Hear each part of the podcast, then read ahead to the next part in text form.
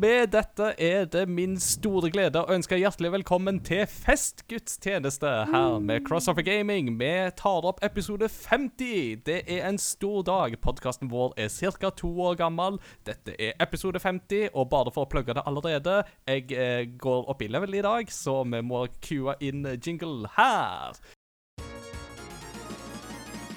Og eh, mitt navn er Inga Takonobi Hauge. Jeg skal lede dette showet, og vi har full forsamling i dag.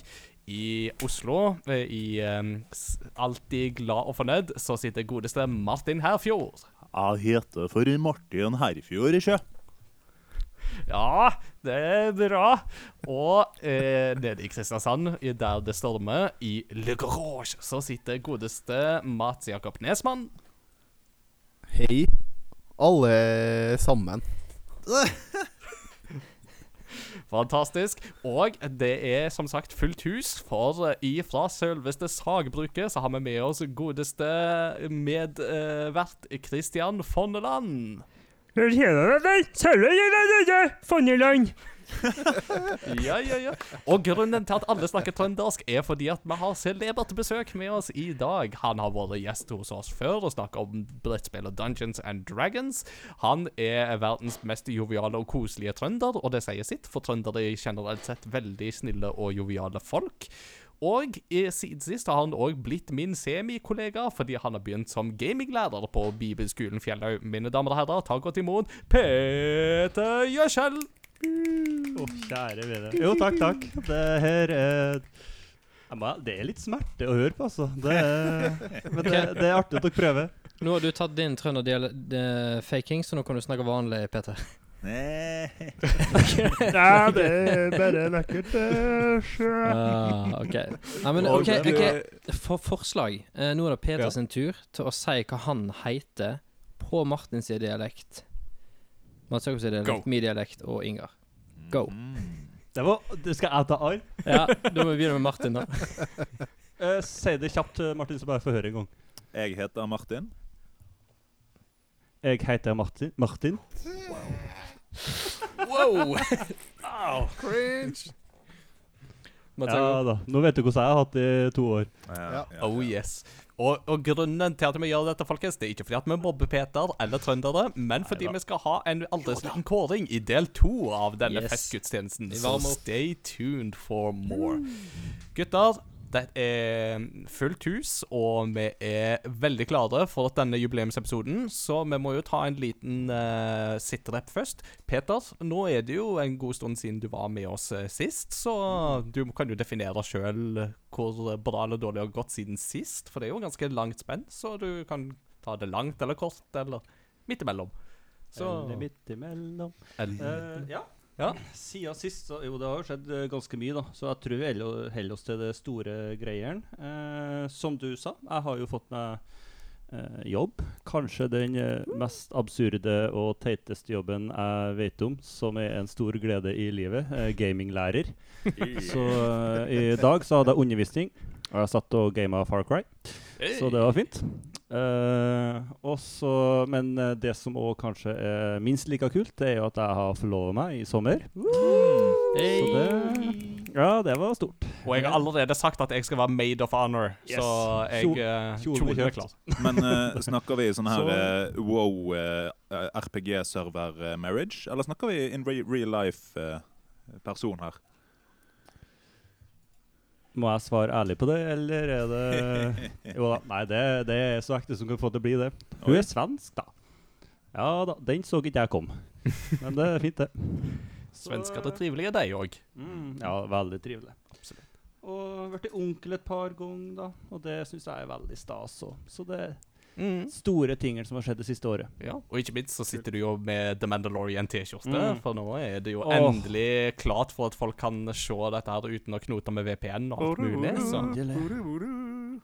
Men så ligger ikke hele sesongen ute. Hva skjer? nei, er Nei, venta. Ah. Så jeg er kommet til episode tre nå, da. Men du vet hvorfor det bare ligger én og én episode ute? Det er for Ja. at eh, du skal ikke si opp abonnementet ditt før sesong to kommer. Så nå får du én og én episode fram til sesong to kommer 30. oktober. Så det er for å holde på deg, rett og slett. Jeg har kjøpt årsabonnement, så jeg Mm. støkker uansett. Ja. Mm. Ellers da, uh, skal vi se. Christian, nå er det jo lenge siden vi har hørt det fra deg òg, så jeg tenker vi går til deg og tar en liten sitrep. Ja eh, Hva har ikke skjedd siden sist? Nei um, Du har fått GameCube og TV. Ja. Men nå- nå jeg må prøve å tenke når var jeg med sist. Har jeg vært med i høst? Før? Altså, si liksom Hva har du gjort i sommer, for eksempel? OK. ok Takk Ja. for uh, hjelp. Jeg trenger hjelp. Um. I sommer så Så har jeg uh, gått Blitt bitt av basillen. Blitt bitt av retro-basillen. Så eh, Mm. sagbruket er nå uh, fylt opp med en liten kasse-TV av type Turtles, av type lånt av Mats Jakob. Mm. Gaming in the half shell, turtle Yes. power. Og kobla til den kasse-TV-en, så er det en GameCube. Yes. Og en Gamebox. Og en Gamebox. I can Never confirm. forget. I can confirm. Ja. Ja, så jeg og Martin har blant annet hatt uh, noen uh, Smash-kvelder. og vi har Ja. spilt litt Wind Waker, og jeg har spilt en av mine store yndlingsspill i barndommen, som var Enter the Matrix. Og sjokket gikk innover meg eh, når jeg skjønte i voksen alder at dette spillet suger. det er så vanvittig buggy. Altså, de, altså nå, jeg jobber jo med Med en del sånn eh, testing, altså for å prøve å hindre at det kommer så masse bugs ut. Mm. Og jeg tror ikke de har hatt noen som har hatt den jobben på det spillet. Det er, det er et mareritt. Men ja. Kan jo Og det eh, funker ikke bra til kontroll. i Matrix Revolutions-filmen så ser det ganske buggy ut med når Neo slåss mot Mr. Smith og de snurrer rundt i luften der, så kunne det vært en bug i spillet, liksom. Ja, Det er sant. Sant, sant nok, sant nok. Men det er jo veldig kult med Enter the Matrix at det jo fungerer jo som en tie-in til Matrix Reloaded og Matrix Ja, ja. Revolutions. Ja, ja, så sånn så- sett så er det jo et veldig kult spill. Jeg, jeg lar det bli med det. Det skal ikke ødelegge barndomsminnet. Det skal det ikke. Eh, men eh, ellers så har jeg eh, for the first time fått navnet mitt i credits eh, på et spill. Og uh, da er jo en eh, guttedrøm uh, gått i oppfyllelse. Absolutt. Um, Du får lov å si hva spillet heter. det heter for Det heter for Nei, nå skal jeg prøve meg på trøndersk, men Åh, det var dårlig. Ehm, det heter Skate? City. Ja. Skate City.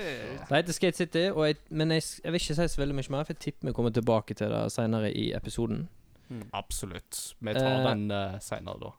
Ja, og ellers eh, så er det ikke så veldig masse nytt og spennende, tror jeg. Og da, da så sier vi takk til Kristian i Oslo, og setter over til Mats Jakob i Kristiansand. Mats Jakob, hvordan går det med deg? Fra en Kristian til en annen. Uh, jo, det går fint med meg. Uh, nå er jeg superhappy. Aston Villa leder 2-0 etter 13 minutter. Kan ikke være mer happy enn det. For en fest dette er. Eh, nei, siden sist så har uh, eldstemann blitt fem. Og han fikk eh, stort sett bare Lego til bursdagen. Eh, Yeah! Og som vi har snakka om før, han syns det er gøy å leke, han syns ikke det er gøy å bygge. Så jeg har bygd veldig mye Lego siden sist. Nice. Mm. Martin? Snakker vi nå om dine characters i WoW, eller har du IRL-folk Ta deg av? Det er sånn VR-familie. I, i, I mener du, Martin? Vauv-familie. Wow. wow. Eh, nei, så er da eh, vi, meg og min kone og mine foreldre og mine søstre fleska til og kjøpte den største eh, boksen med Ninjago-lego som er tilgjengelig i butikken. Som eh, jeg, jeg tenkte å ja, men det er gøy for han å få den. Og så kjøpte vi han, og så så en video på YouTube av en eh, fyr som lever av å lage YouTube- YouTube-video om Lego. Og han eh, sa at eh, jo, han brukte fire og en halv time på å bygge den her, eh, dette skipet. Så tenkte jeg oi, hvis en profesjonell legobygger bruker fire og en halv time, hvor lang tid kommer jeg til å bruke da? Og da kan jeg se for dere hvor gøy det var å sitte og bygge med en femåring som er sånn Er du ferdig snart? Er du ferdig snart? Nei, jeg er på pose, jeg, jeg, jeg er på pose 2 av 14. Og alle Altså, Lego-figurene kom jo ikke i den første posen. De kom liksom Sistemann kom i pose nei, nei. 13. Han sto liksom bare og hoppa på sida i seks timer og så på at jeg bygga og skulle være med, men da tok det jo bare enda lengre tid. Så det, Du måtte jo ha streama dette her. Mats Jakob. Ikke- Sorry, du måtte jo ha streama dette her. Sånn som Eh. Ingar gjorde. ja, men da hadde det blitt en mye mer Altså, frustrerende for meg å skulle ha et publikum i tillegg til at jeg har en femåring som står og bare Den båten kan ikke bli bygd fort nok.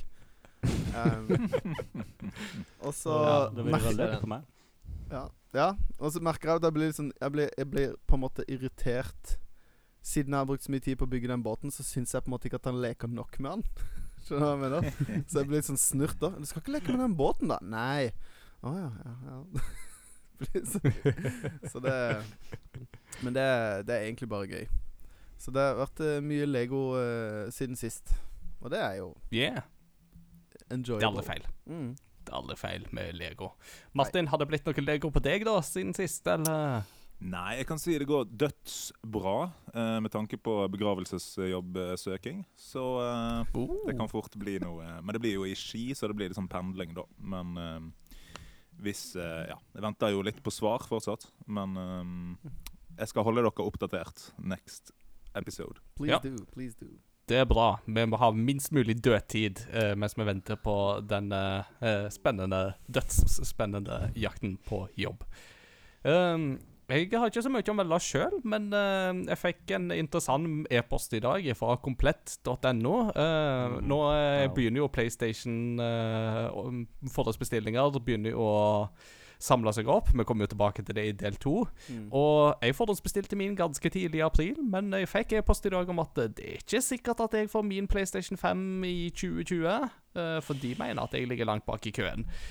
Det som er litt interessant, er at eh, folk på Facebook og andre sosiale medier som bestilte i type juni og august, har fått e-post om at eh, jo da, du skal få din. Så her er det et eller annet som Mm. skurrer hos Komplette, altså. Mm. Eh, så jeg er jo egentlig veldig glad i å bruke de, og har stort sett gode erfaringer. Men akkurat her så håper jeg at de får uh, rydda litt, for jeg vil veldig gjerne ha min PlayStation 5 i november. Mm. Same. Jeg bare spørre hva de har sagt som er den norske prisen eh, på PS5. Eh, de har ikke, altså Sony har ikke oppgitt en eh, formell pris uh, for Norge, uh, på samme måte som Microsoft har gjort det. Så, Nei. men eh, Ja, for å tease den nyheten. Uh, den diskløse PlayStation 5 havner jo på 399 dollar, og Mm. den med diskdrev havner på 499 dollar. Uh, som konverteres til sånn rø- røftlig 4500 og 5500 eh, tusen kroner. Så jeg føler at jeg traff godt med mine predictions på det. Det vil jeg si. Mm. All right. Enough talk about us. Skal vi høre fra hva våre lyttere har å si? Yes,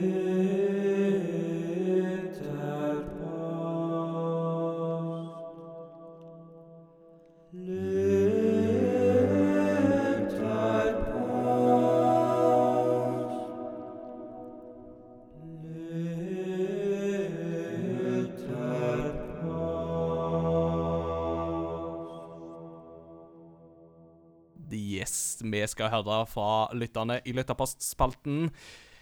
Lytterne våre de har fulgt oss i tykt og tynt i 50 episoder. Og eh, i denne lytterposten så har vi tatt en liten gammeltestamentlig vri på det hele. For hvert 50. år i Det gamle testamentet så er det jo et såkalt jubelår, der fanger skal settes fri, gjeld skal slettes og lignende.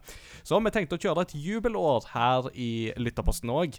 Og se for deg følgende jubelårsmarkering. Spillbransjen har funnet ut at alle spilldrømmer skal oppfylles. Hva spill ber du om å få utvikla? Og lytterne har som vanlig kjempemange gode forslag. eh, og da må vi jo bare velge og vrake mellom hva de har skrevet til oss på Facebook eller Discord. Eh, hashtag hvis du ikke har gjort noe Eller hvis du ikke har gjort det ennå, så må du gjerne mm, like oss på Facebook og eh, bli med i vår Discord-server. Begge deler finner du lenker til på crossovergaming.no. Så, Peter, uh, har du lyst til å ta for deg uh, hva en av våre lyttere har skrevet som svar? Det kan jeg gjøre, vet du. Men du må snakke rett inn i mikrofonen. Da har jeg Sånn, ja. jeg er litt fersk på jeg. Da har jeg funnet fram svaret til Torstein Røsok. ja. Skal vi se Jeg var veldig hypet over Tamarin. Et spill veldig inspirert av Jet Force Gemini.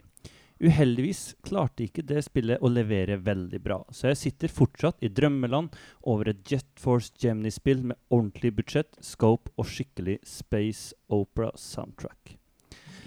Men det er vel men det er vel for usannsynlig, selv for drømmeland. Så jeg går heller for et nytt F-Zero-spill. F-Zero! Jeg så den kom, faktisk. Det er jo jammen på tide.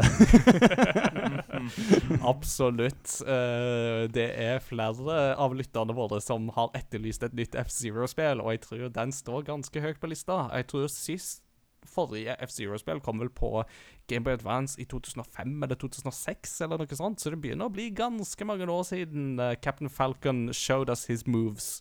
Eh, og det syns jeg høres ut som en veldig god idé. Uh, Sjøl så har jeg valgt ut Kumlesopp sitt uh, svar. Kumlesopp han skriver at han vil ha et 2D Super Mario-spill med grafikkstil inspirert av de klassiske tegningene til Yoichi Kotabe. Han ser for seg et spill med levende tegninger, sånn som i Rayman Legends og andre UbiArt-spill.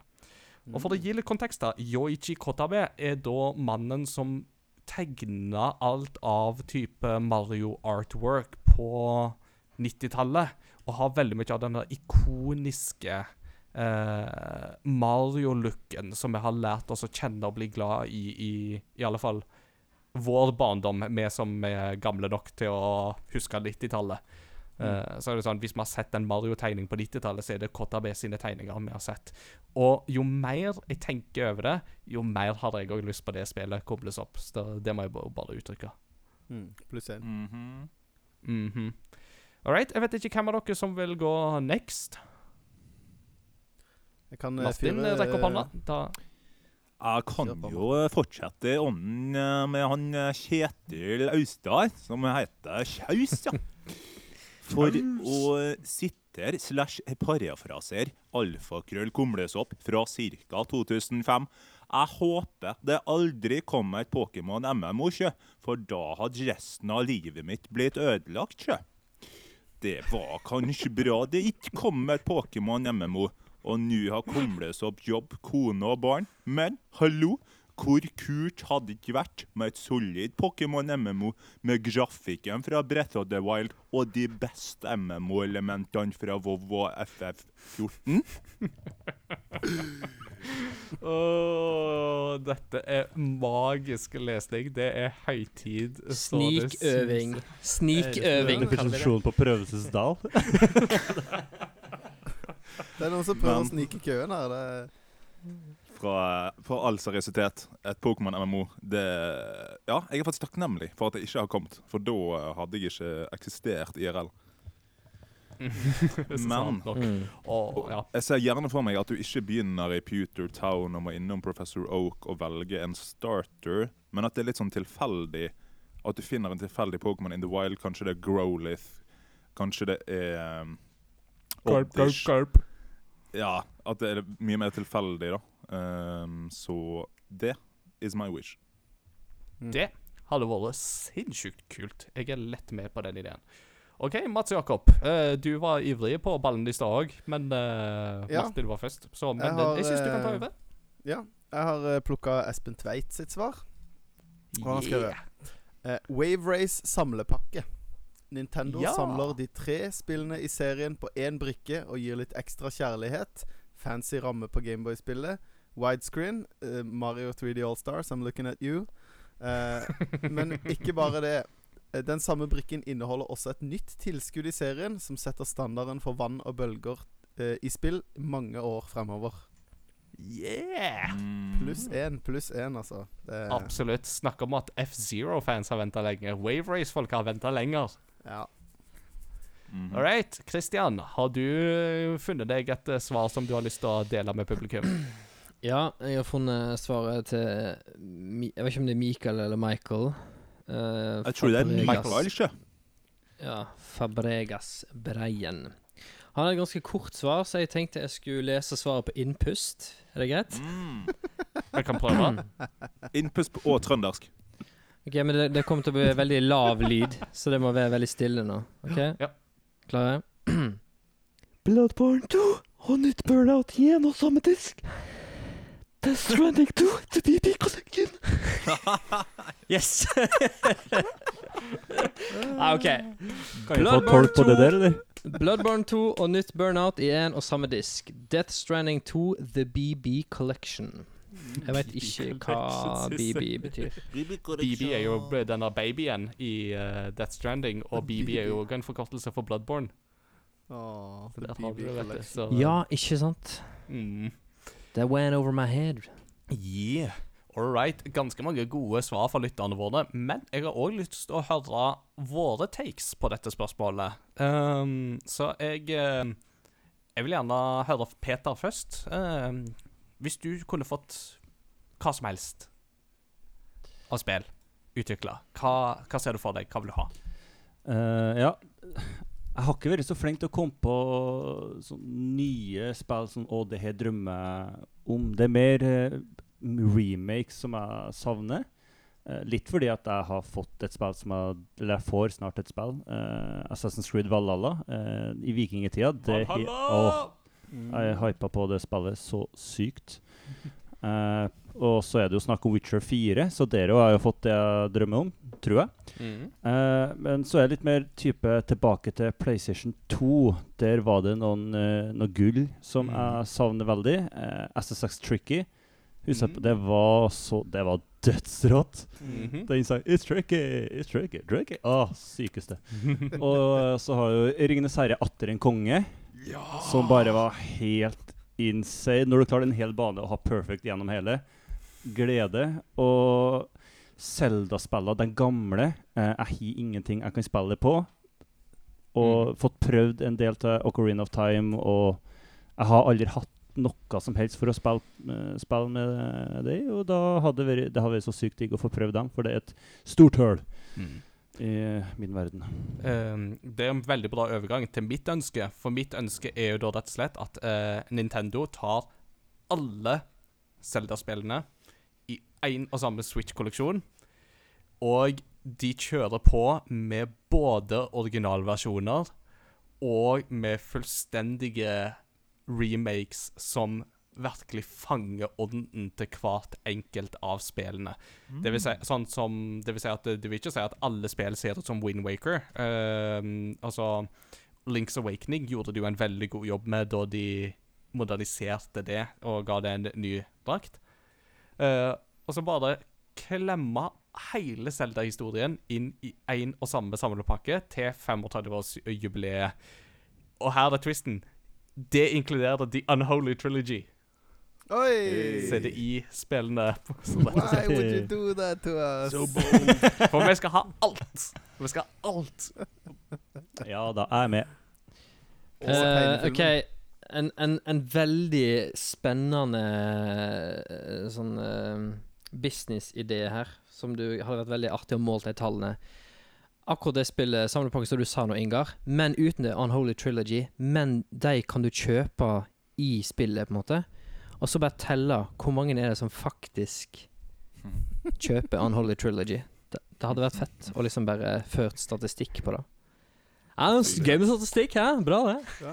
Sykt. Ja, Jeg, jeg hadde sikkert kjøpt dem pga. uvitenhet.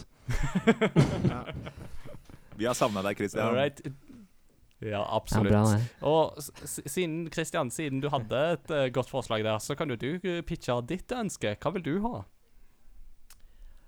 Det er muligens et kjedelig svar, men jeg har lyst på uh, nytt Witcher, egentlig. Så uh, lett som da. Yay!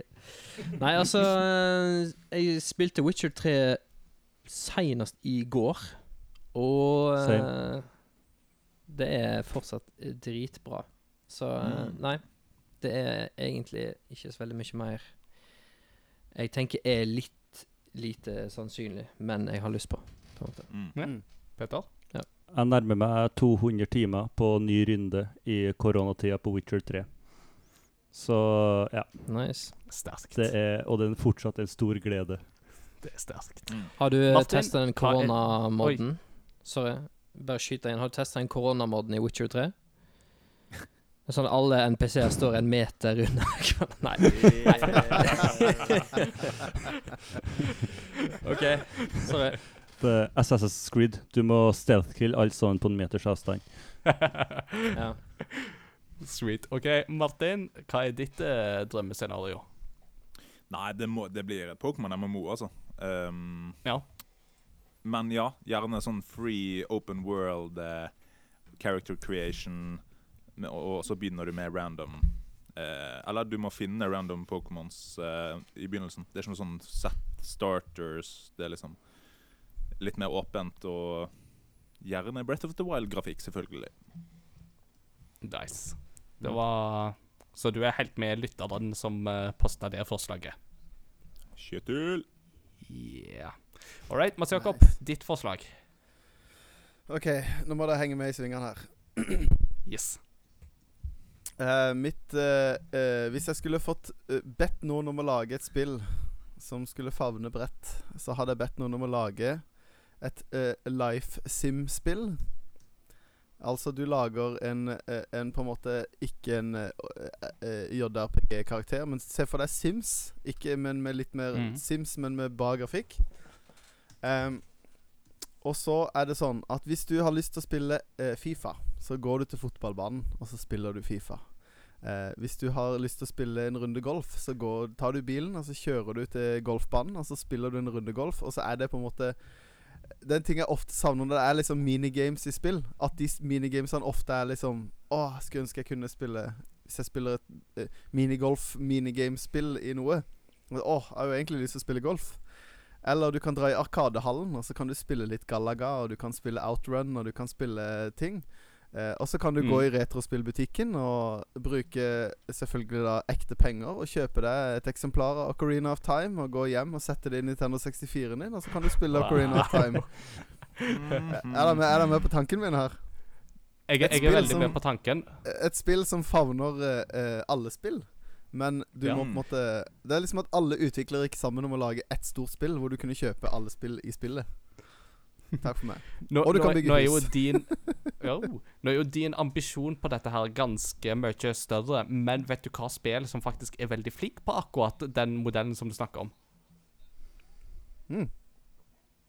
Eh, det er Yakuza Ja, Shen, altså Shenmue eh, jo, var jo den første, men Yakuza er jo den åndelige avtakeren til Shenmue. Og i Yakuza så er det jo sånn at eh, du går på karaoke, og så synger du karaoke, og så går du i Arkadehallen, og så spiller du Outrun, og så går du på Ja, nå har det ikke vært golfbane i Yakuza QM, i nei, Yakuza 0, mener jeg, men uh, jeg ser atle for meg at det er noe sånt som kommer i de senere spillene. Så Ja, der er det jo men- definitivt sånn at du må på en måte gå til faktiske lokasjoner på den måten, da.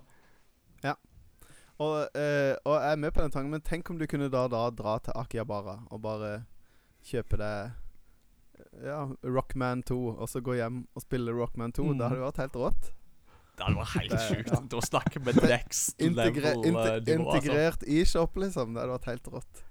Det er mitt drømmespill. Hele livet i en Mm, Hele livet i et spill. Absolutt. Mm. Trenger aldri gå ut. All right. Der har vi, hatt Ja. mange, der har vi fått mange gode pitches og forslag fra både hverandre og fra lytterne. Og vi håper at våre trofaste lyttere som har vært med oss i to år, fortsetter å bli med oss i årene som kommer, og poste mange flere gode svar på lytterpostene. Har vi glemt Åsmunds hjørne? Det må vi. Martin, please Altså- take it away. Nå må hjørne La meg se. Dette er jo helt eh, Har du den foran deg? Ja, jeg har, jeg Åh, har nydelig. Oh. Altså, det, det er bra noen er her og følger med. Det er Kjære vene, hva er det dere driver med, gutta? Trøndelag stiller opp for deg, Åsmund. Eh, ja da, yes. Da får jeg den store æren å ta noe, altså jeg nevnte tenker jeg. Det skal se. Åsmund Solsvik støtter Bloodborne 2, som er nevnt tidligere her av- av Mikael. Eh, ellers så ble God of War 2 nylig annonsert, og det, ble, og det er det objektivt viktigste. Ja. Og amen. Og på den amenen så takker vi for oss og fortsetter.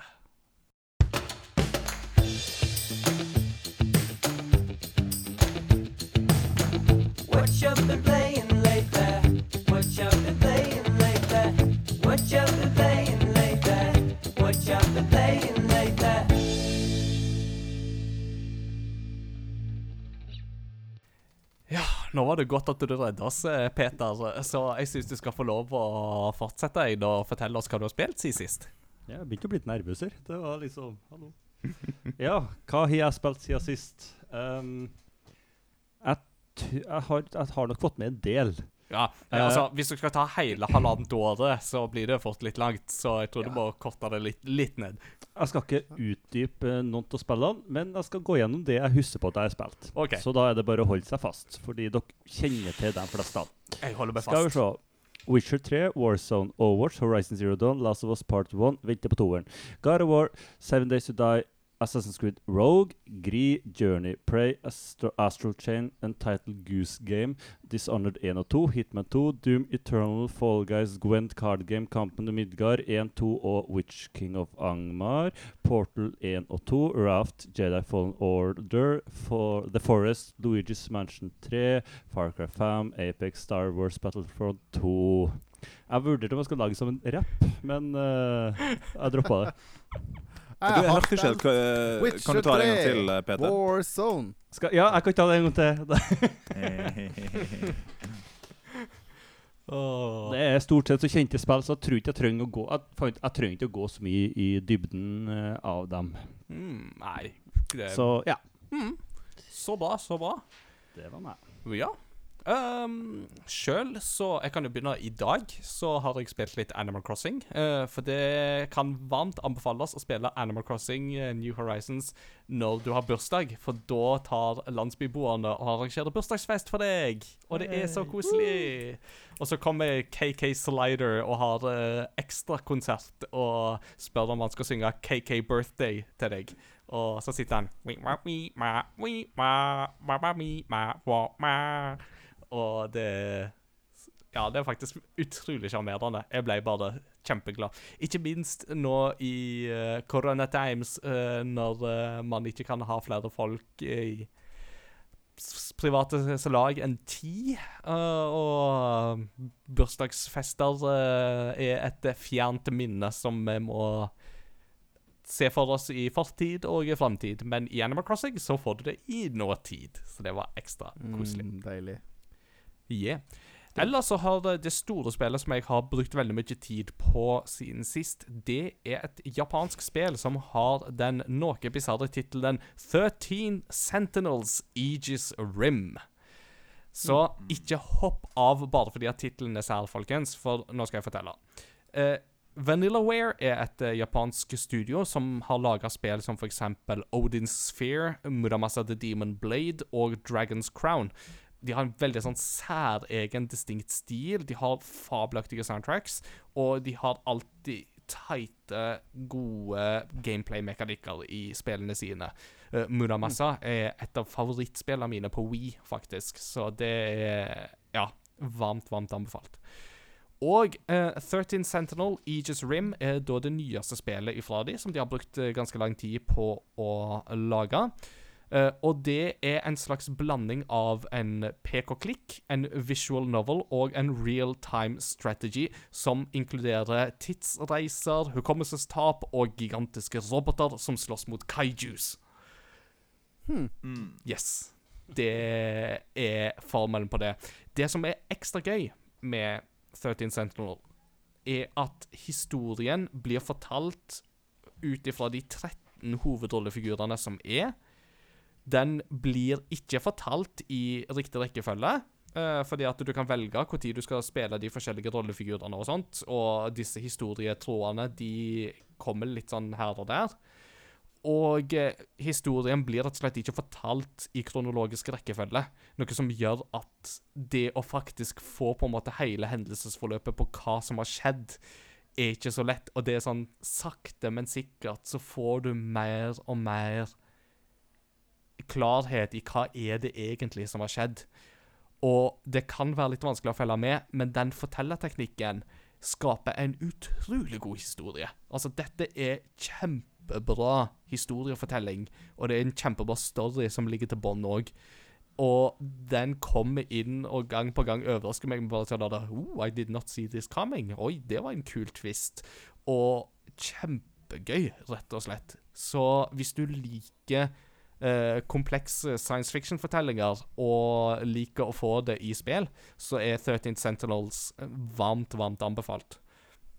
Eh, spillet har jo òg en eh, sånn real time strategy-del, der du skal styre disse kamprobotene eh, som disse 13 hovedpersonene styrer i kampen mot uh, store monstre. Um, og da ser du det på sånne holografiske kart, og så styrer en fram og tilbake i sanntid og slåss. Den delen funker veldig bra, den òg, men det blir litt kjedelig på en måte i lengden, fordi at du ser det bare som sånne holografiske kart.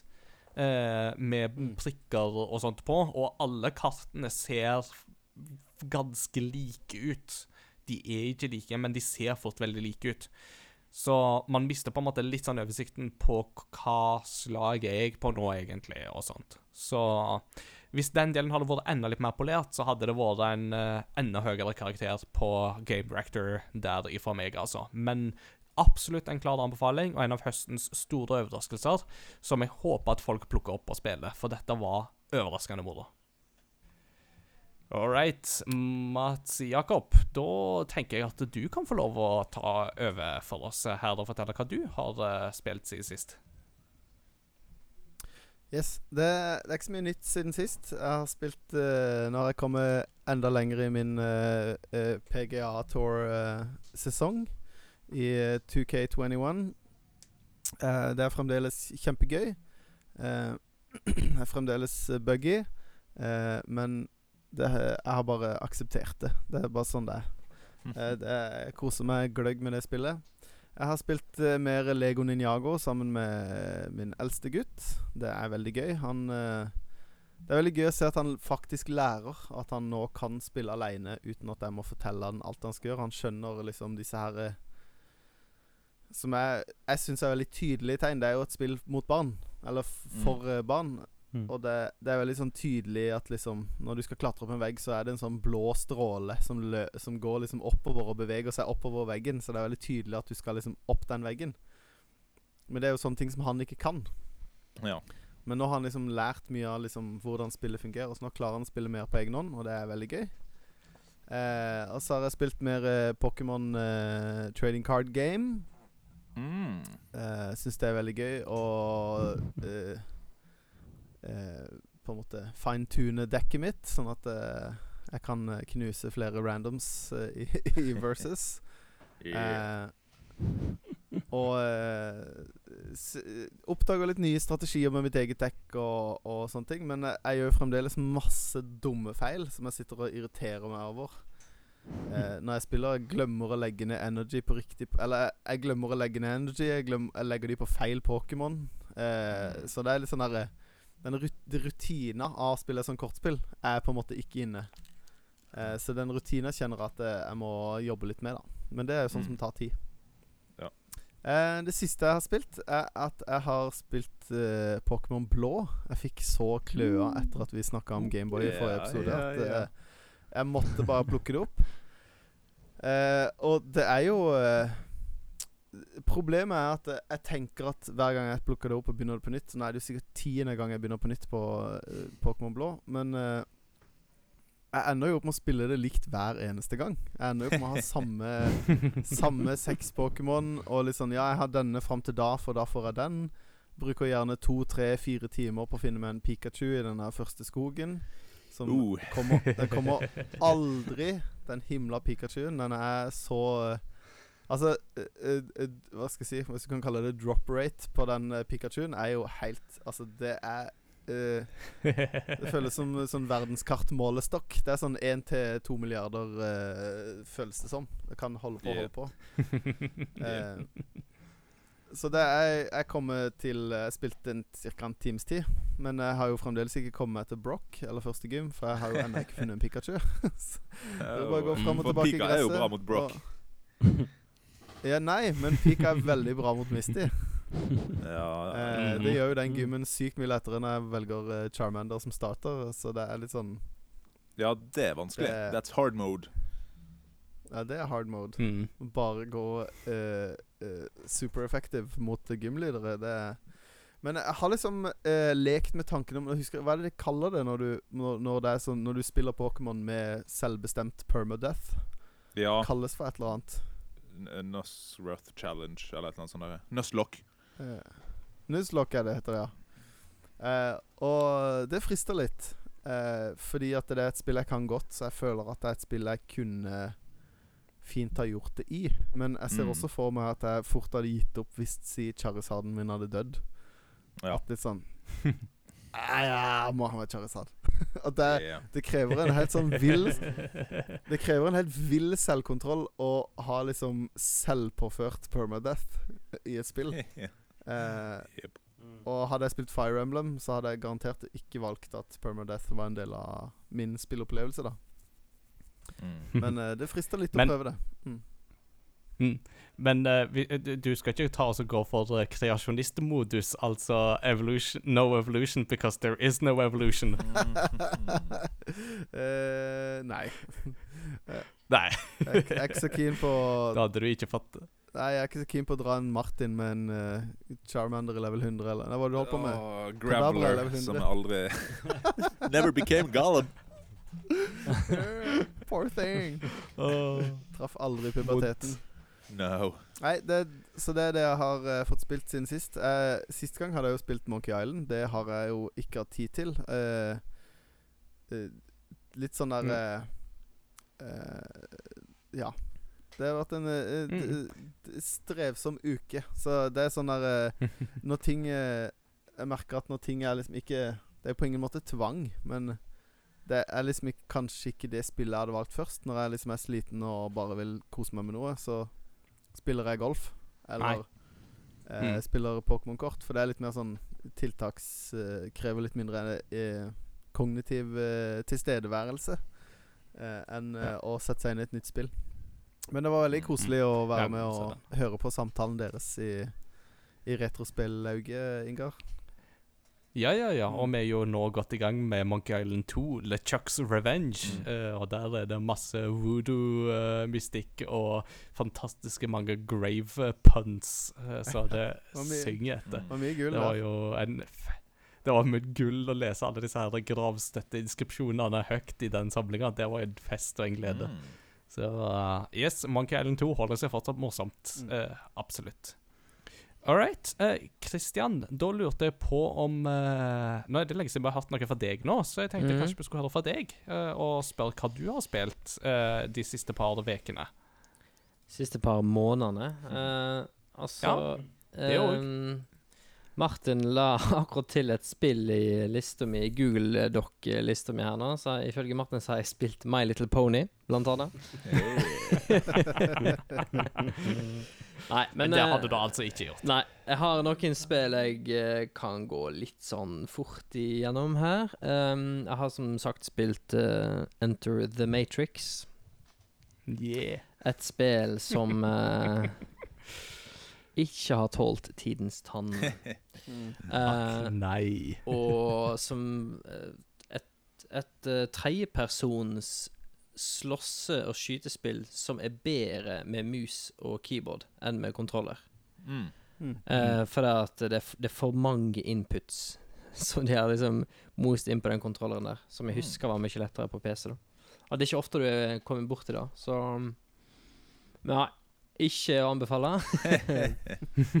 jeg er usikker på, usikker på om det er bedre eller dårligere enn Path of Neo. Um, jeg veit ikke helt, egentlig. Men ja. Det går vel ikke an å spille lenger, for det var vel et MMO, eller? Nei, Path of Neo var et um, Var nei, nei, nei, et relativt likt spill som kom, hvor du spilte storylinen til Neo, og hvor uh, Wachowski-brødrene, som de var da Da var de brødre, ikke søstre som de er i dag. Men uh, de hadde faktisk skrevet en ny ending til det spillet der. Ja. Uh, som er enda mer bananas enn filmen.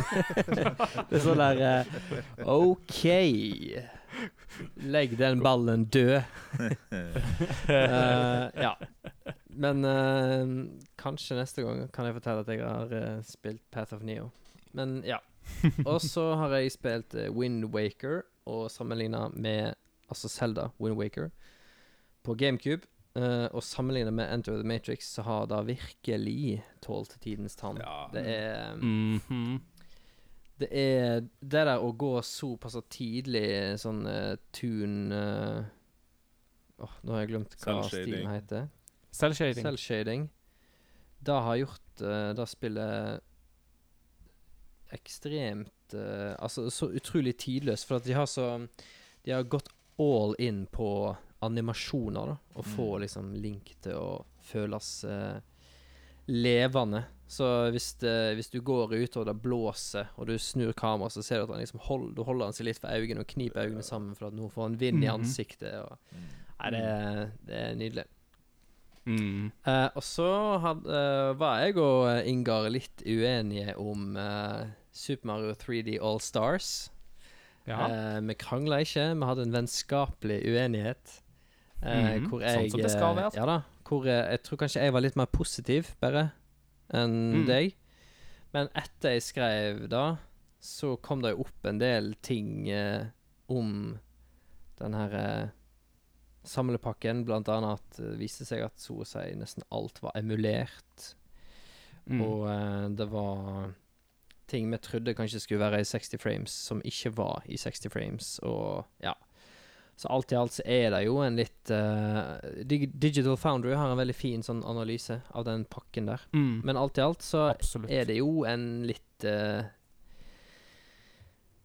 uh, Jeg er ikke uenig i prisen når du ser hva spill du får, men det er en litt giddaløs pakke.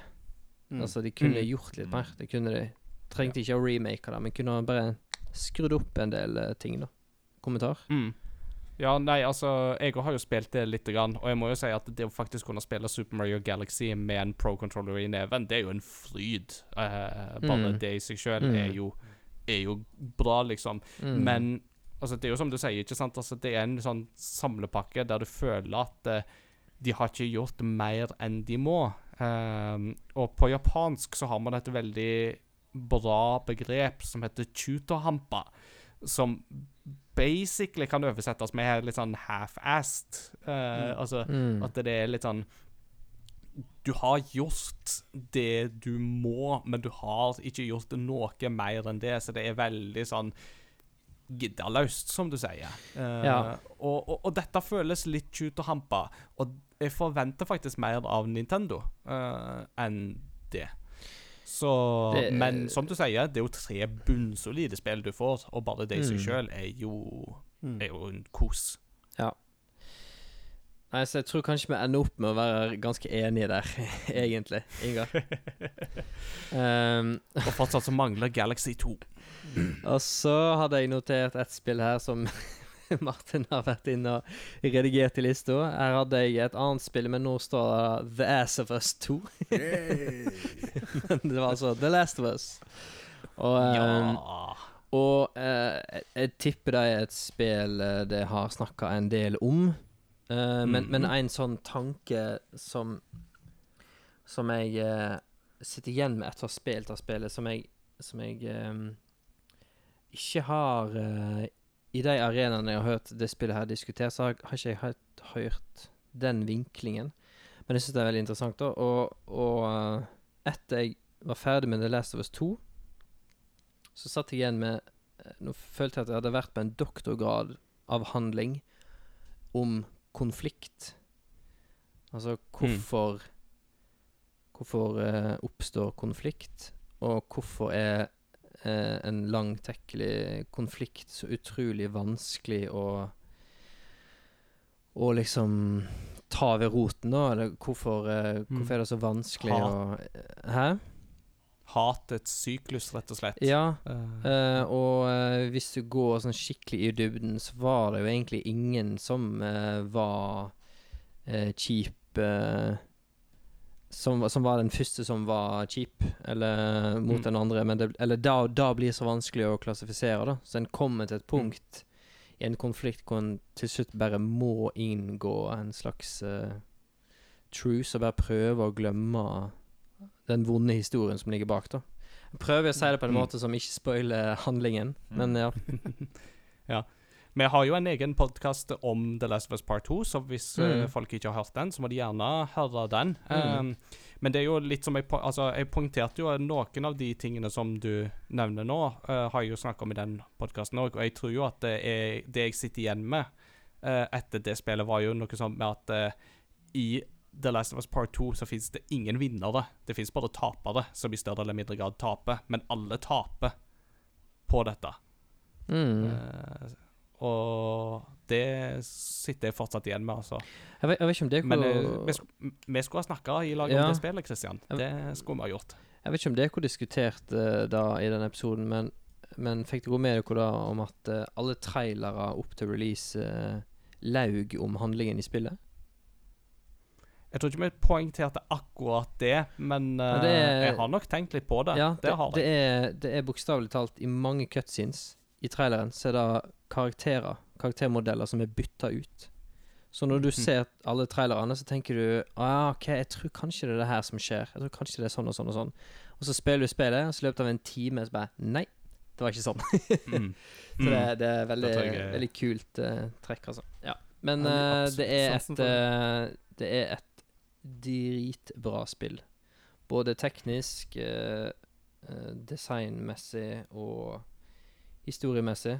Uh, så jeg er ganske delt mellom trengte med The Last of Us 2 egentlig, for det er et veldig bra spill, men The Last of Us 1 kan få lov å stå for seg sjøl òg, for de som ikke likte toeren. Men uh, ja, nei, et uh, nydelig spill. Og et spill som jeg òg har spilt, som jeg gleder meg like masse til, men som ikke var like bra. Jeg sliter rett og slett med å gjennomføre det. Det er Ghost of Sashimi. Mm. Um, Sushima, altså. Ehm, yeah. Det er jo uh, litt sånn som du har sagt, Ingar. Det er jo et spill som uh, Som har naila det visuelle. Men uh, det er litt for gammeldags på en del gameplay og åpen verden-element. Og det kommer ut på et tidspunkt hvor ganske mange av oss gamere, nå generaliserer jeg litt her, er litt lei av open world-spill Mm. eh, av den typen. Og så rent sånn teknisk, eh, sånn ting jeg har hengt meg opp i som jeg ikke klarer å overse, er at overgangene i det spillet er forferdelig dårlige. Altså, Mm. det det er ikke for å være kjip, men det er ganske dårlig. Eh, hvis du møter en eh, karakter som du skal ha en, eh, en duell med, en samurai-duell med, Mm. så har en sånn kjempekul cutscene med at liksom sånn sheriff, eh, sånn cowboyaktig, da. Mm. Standoff. Ja, standoff, ja. At liksom eh, det zoomer inn på liksom motstanderen, og på deg, og så ned på sverdet, og så legger han det klassiske at sverdet er i sliro, men han legger tommelen på skaftet, på en måte. Altså bare Mhm. klikker han sverdet opp. Og så Mhm. plutselig så kutter de, og så har du en sånn, litt sånn janky animasjon, hvor plutselig så står han med sverdet i hånda, og så bare kommer fienden mot deg, så må du kjappe deg for liksom blokke første angrepet. Bare hele Mm. den der overgangen der, bare pang, nå er det fete over. Og så er det veldig sånn der eh, ah, det, mm, det er litt half-assed uh, en del av tingene som bryter veldig med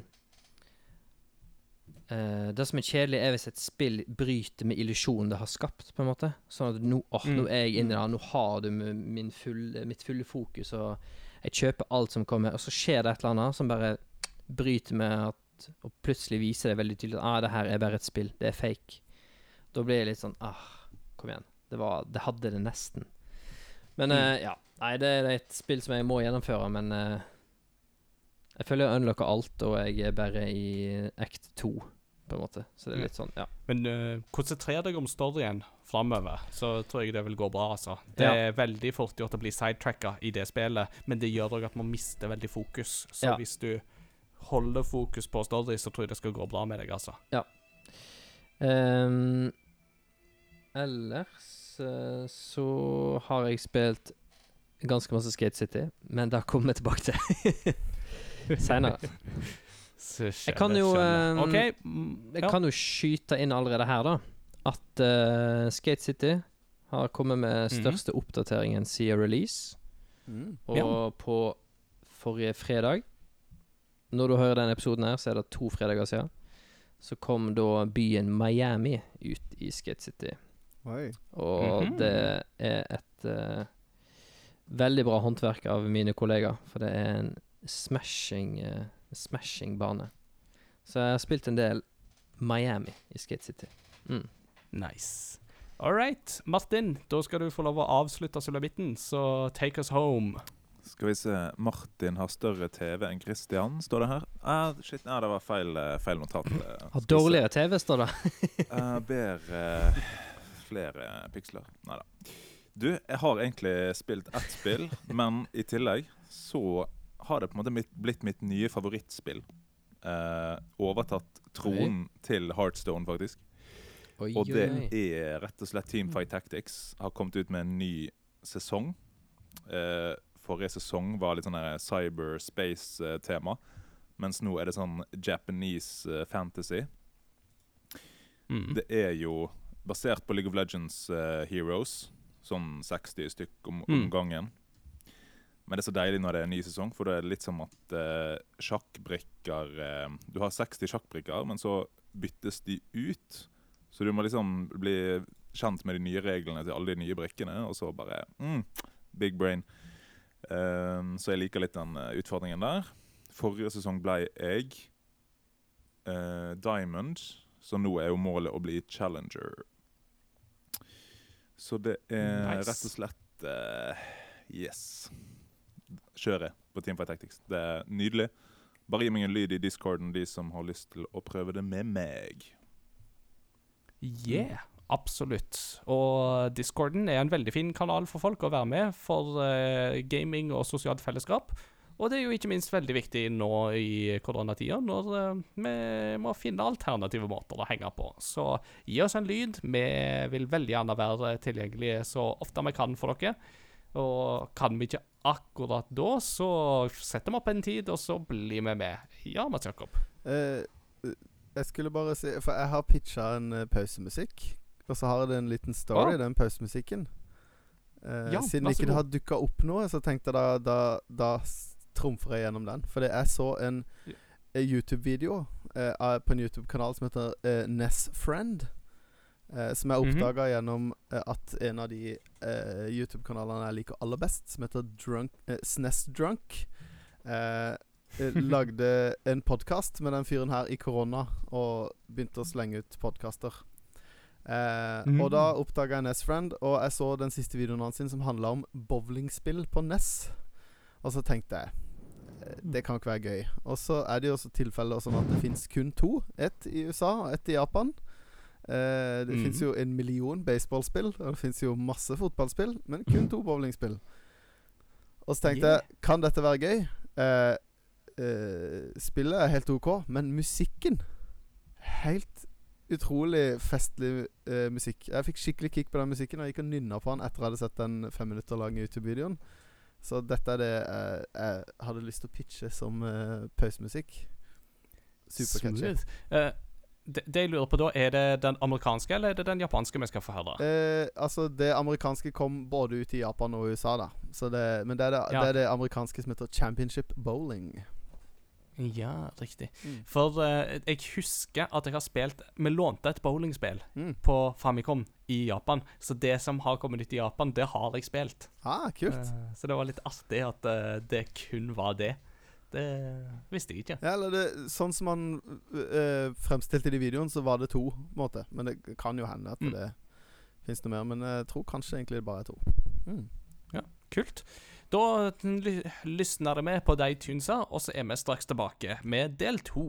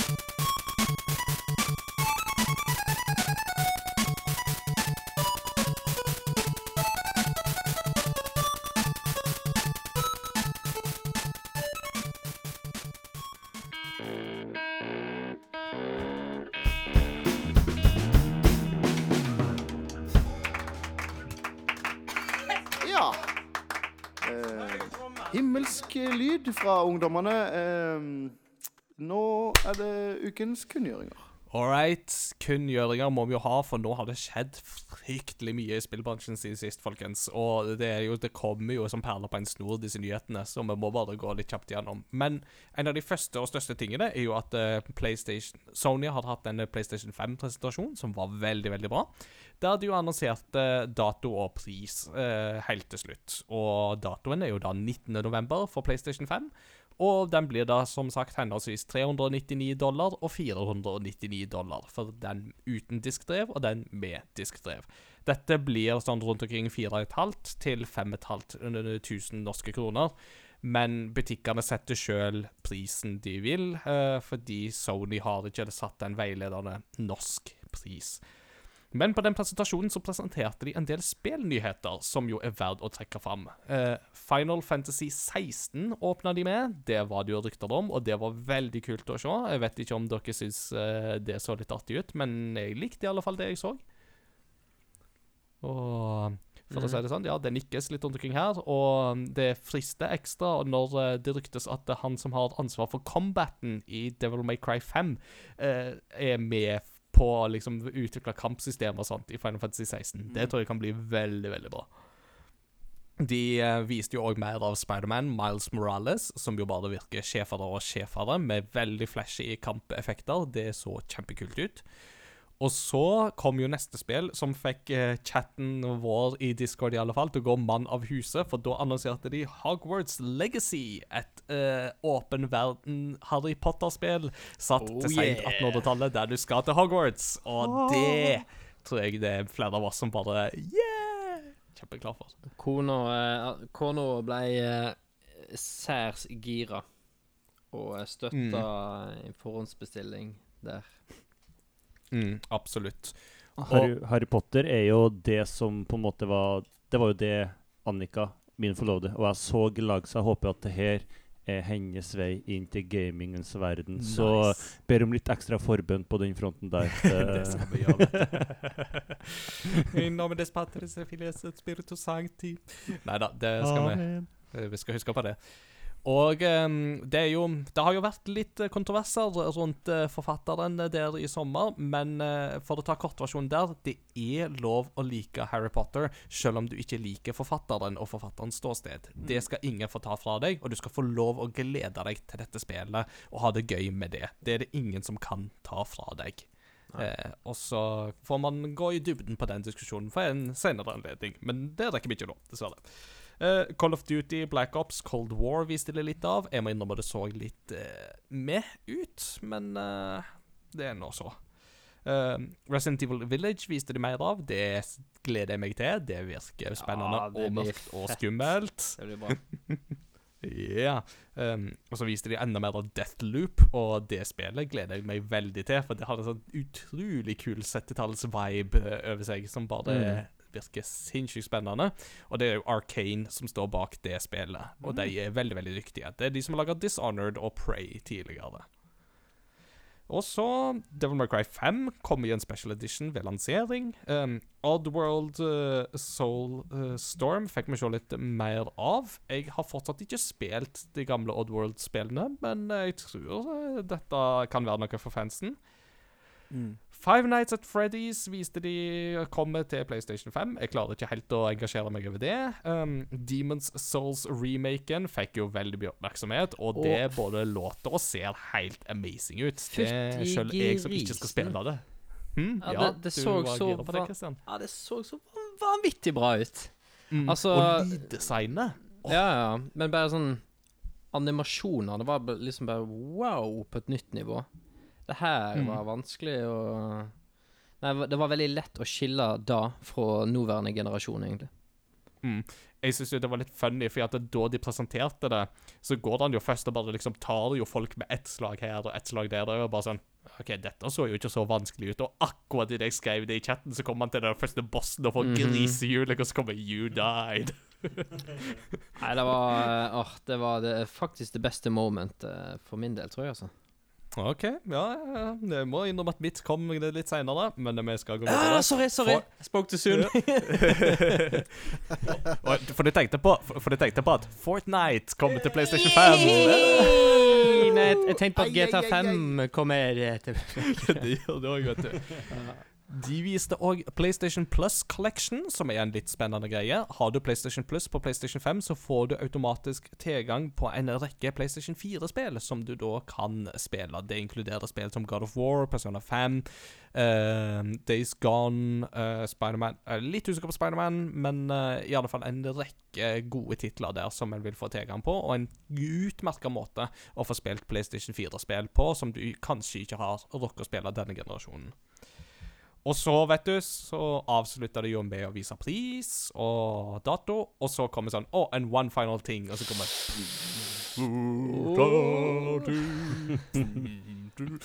The time draws near.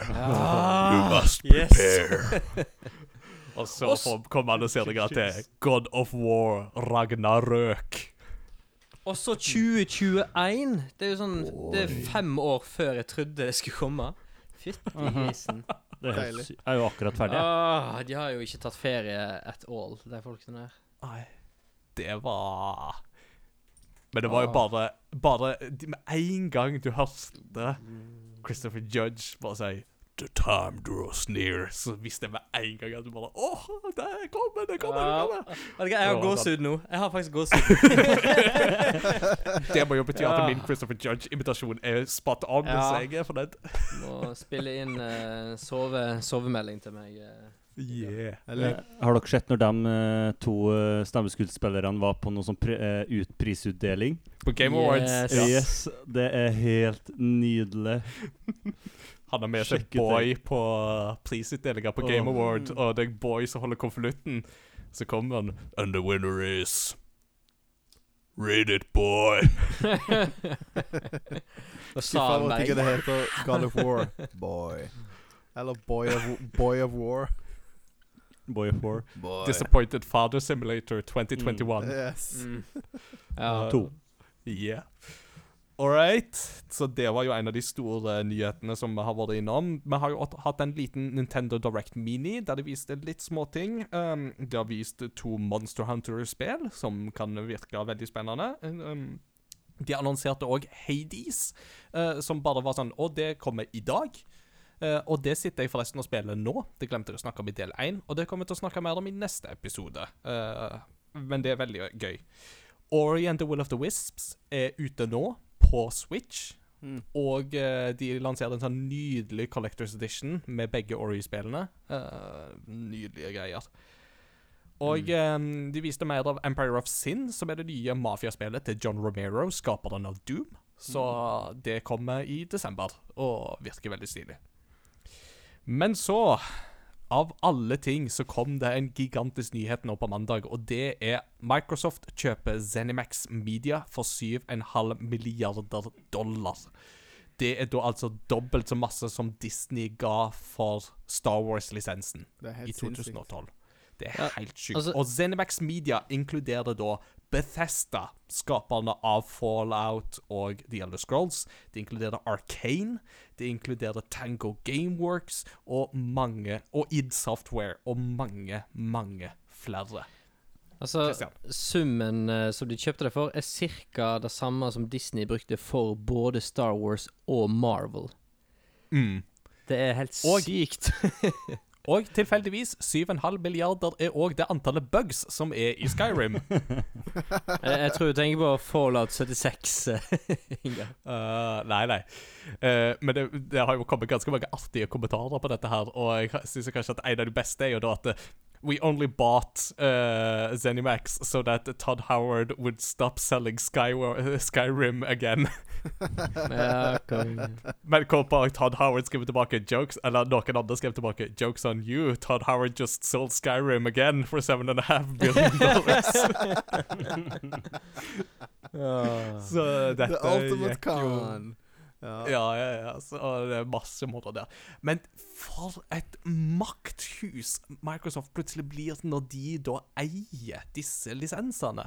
Og de sier jo det at uh, avtaler som er inngått med at uh, ting skal være litt sånn PlayStation 5 tidseksklusive, som for eksempel The Death Loop, som vi snakket om tidligere, ehm, er jo da et eksempel på at eh, ja, vi skal ære den avtalen som er inngått. Og i framtida så vil jo da disse spillene komme på eh, Xbox, på PC, og ellers så må vi vurdere case to case basis om det skal komme på andre konsoller. Men jeg tenker jo at eh, sånn som på GamePass så vil jo disse spillene sannsynligvis komme, mens PlayStations alternativer vil ikke ha disse spillene, muligens. Eh, kan jo være en vinkel de kjører. Og det kan få veldig spennende konsekvenser for kommende generasjon. Se. Mm. Eh, når jeg så den nyheten, så tenkte jeg liksom Hvis en av de to eh, eh, En av de tre spillkonsollgigantene skulle kjøpt uh, Bethesda, eh, så er det egentlig bra at det var Microsoft, for det at Microsoft har, sammenlignet med de to andre, vært greiest med å slippe spill til andre konsoller. Eksempel Ori. Mm. eh, begge Ori-spillene til Switch og Mm. Mm. ja, de har jo vært litt sånn Føler de har vært mest kompis og mest frampå interessert i cross-platform-ting Mhm. og, Mm, og vært litt sånn um, Vært mest kompis der, da, på en måte. Mm. Ja, det er helt sant. Mats Jakob? Og så tenker jeg at eh, hvis eh, Microsoft eier alle disse eh, spillene, alle disse IP-ene, så, så har de jo på en måte De har jo ikke noe å tape hvis de tjener penger på salget på PlayStation 5 og på Xbox. På de, de, de vil jo bare tjene mer penger. Altså eh, Mm. De tjener jo mer Abs- penger på software enn de gjør på konsoller, på en måte. Sånn at de vil jo heller at Mm. folk skal kjøpe det på alle konsollene, enn at folk skal kjøpe konsollen som de allerede taper penger på. Eh, Definitivt. Du si- definitivt.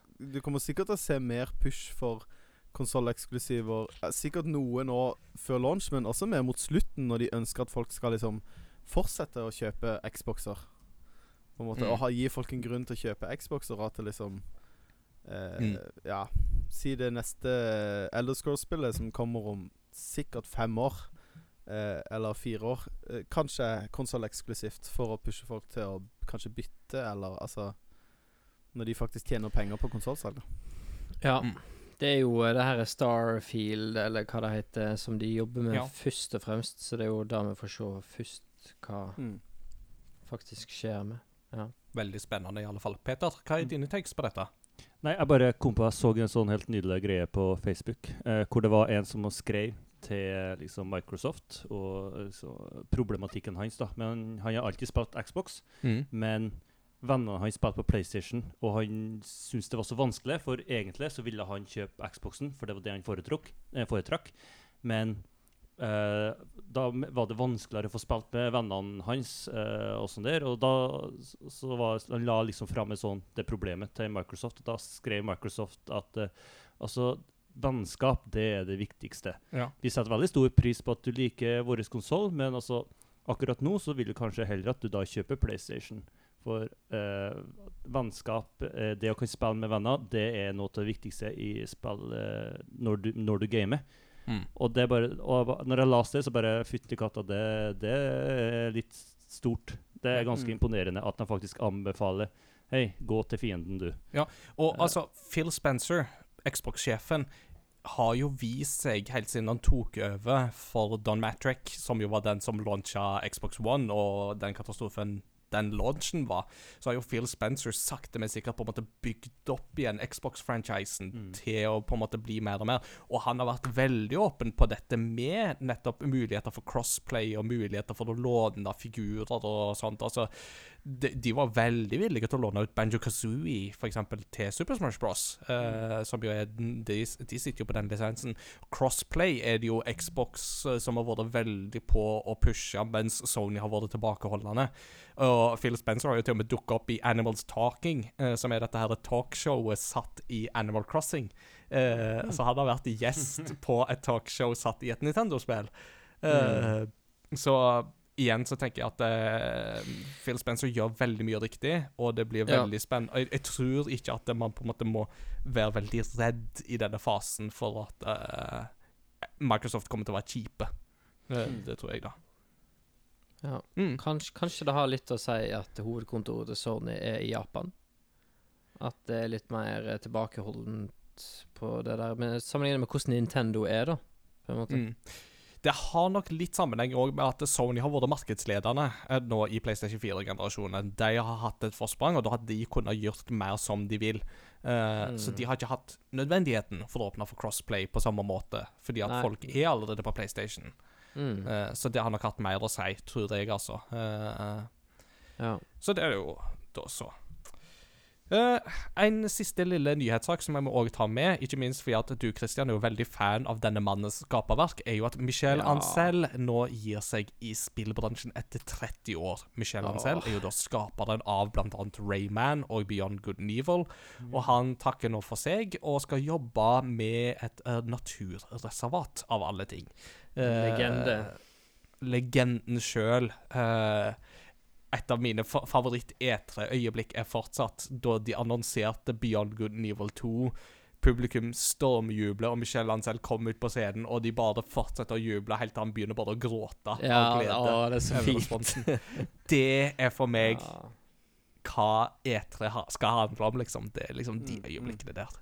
Jeg håper, jeg håper han ene og alene gjør det her, for at eh, det er Det er eh, hans uh, hjerte for naturen som driver han, og ikke for da alt det her som har skjedd i Ubisoft i det siste. At han liksom Mm.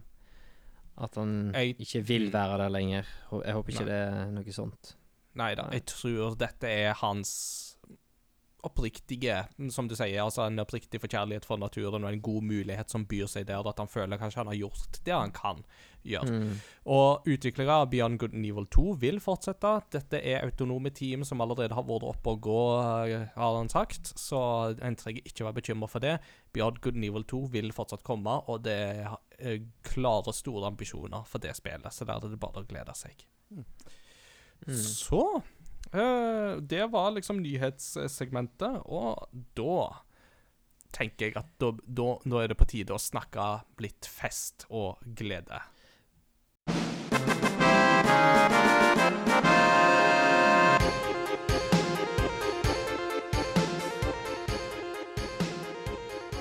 Med det så er det på tide å gå over til en aldri så liten temadel. Dette er episode 50. Det er jubileum, det er festgudstjeneste, det er jubelår, kall det hva du vil.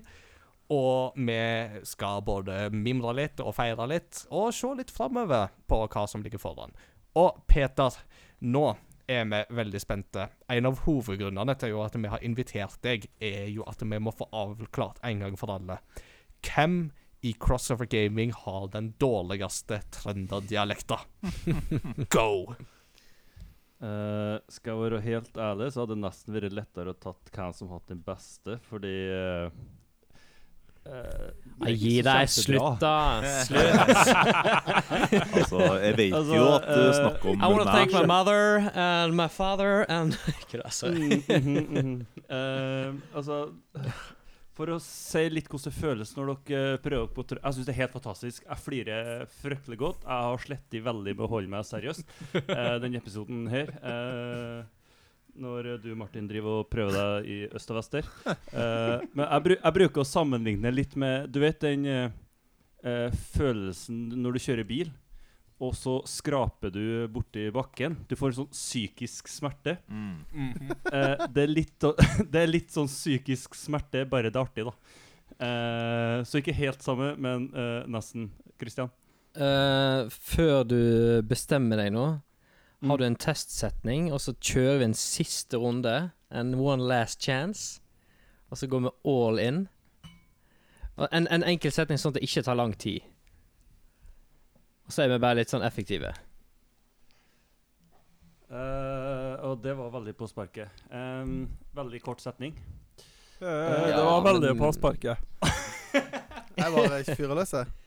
Ja, jeg hører det. Eh, nei, vi kan jo ta noe så enkelt som 'det er bare lekkert'. Ja, det er bare lekkert. OK, det var Ingar. Mm. Nestemann. Hvem gir seg på? Kan du søke opp? Uh, det er bare lekkert. Mm. Er det for lett å høre? Martin? Jo, det er bare lekkert. OK, okay boys. Dersom dere gjør feil, er at det må ha stemme òg. Du må Du bare henter det baki der.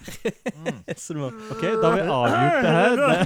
Det, det er bare lekkert. Der. har du- OK. Dommer, vær så god. Altså, skal jeg være helt ærlig, jeg, hadde, jeg har funnet ut det på forhånd, og det ble ikke endra nå. Uh, jeg har gått seriøst gått gjennom så å si alle episodene. Den beste, det er faktisk Kjetil. Han var best. Ja, faktisk. Eh, men her var den dårligste, og eh, det er han med mat i kjeften. Uh, No! Ja, ja, ja, ja, ja. Jeg trøster spiser. deg. Trøster spiser Bård Ja. står for falsk. Yes. Eh, det er du som har lest flest ganger òg, da. Ja. Så det, det skal du ha. Du hadde lenge god konkurranse med Ingar, eh, men han hadde en episode som var ganske bra. Og da kom han seg opp fra terningkast én til to. Uh, That's all I need. det som skuffer meg, er at ingen har tatt med det Selv om jeg ikke har skrevet det, så det viktigste du skal huske på når du skal snakke trøndersk, det er å avslutte med læl eller sjø. Altså, der er jo jeg Sam ja, for der har du gjort det. Det har du fått i dag. For uansett hvor dårlig det er Du kan snakke bokmål om du slutter med lell eller sjø. Så prøv alle sammen Å ja, du prøvde på trøndersk, ja. Å, du kjære ve- Det var dårlig. Men du prøvde. så, så det er liksom det trikset, da. Ja. Kids, you tried hard and you failed miserably. The Oh, lesson yes. is never try. Nei. Um, Martin? Christian, du suger hestskit som trønder, sjø. Altså, jeg tror eh, Jeg Du tror vi imponerer mer i dag enn når du skal losse opp eh, meg forrige gang. Så det, det må jeg si. Jeg, jeg tror kanskje vi bare tar og klipper ut hele segmentet her fra episoden. Because this is fake. It's corrupt. Du ble sur, du. Fake Du ble skikkelig ordentlig sur. It's det var corrupt. Sjø. I don't like this. Sjø. Ja, Gjett hvem som flere ganger var- har skrudd av Nintendoen når vi spiller Super Smash eh, sammen.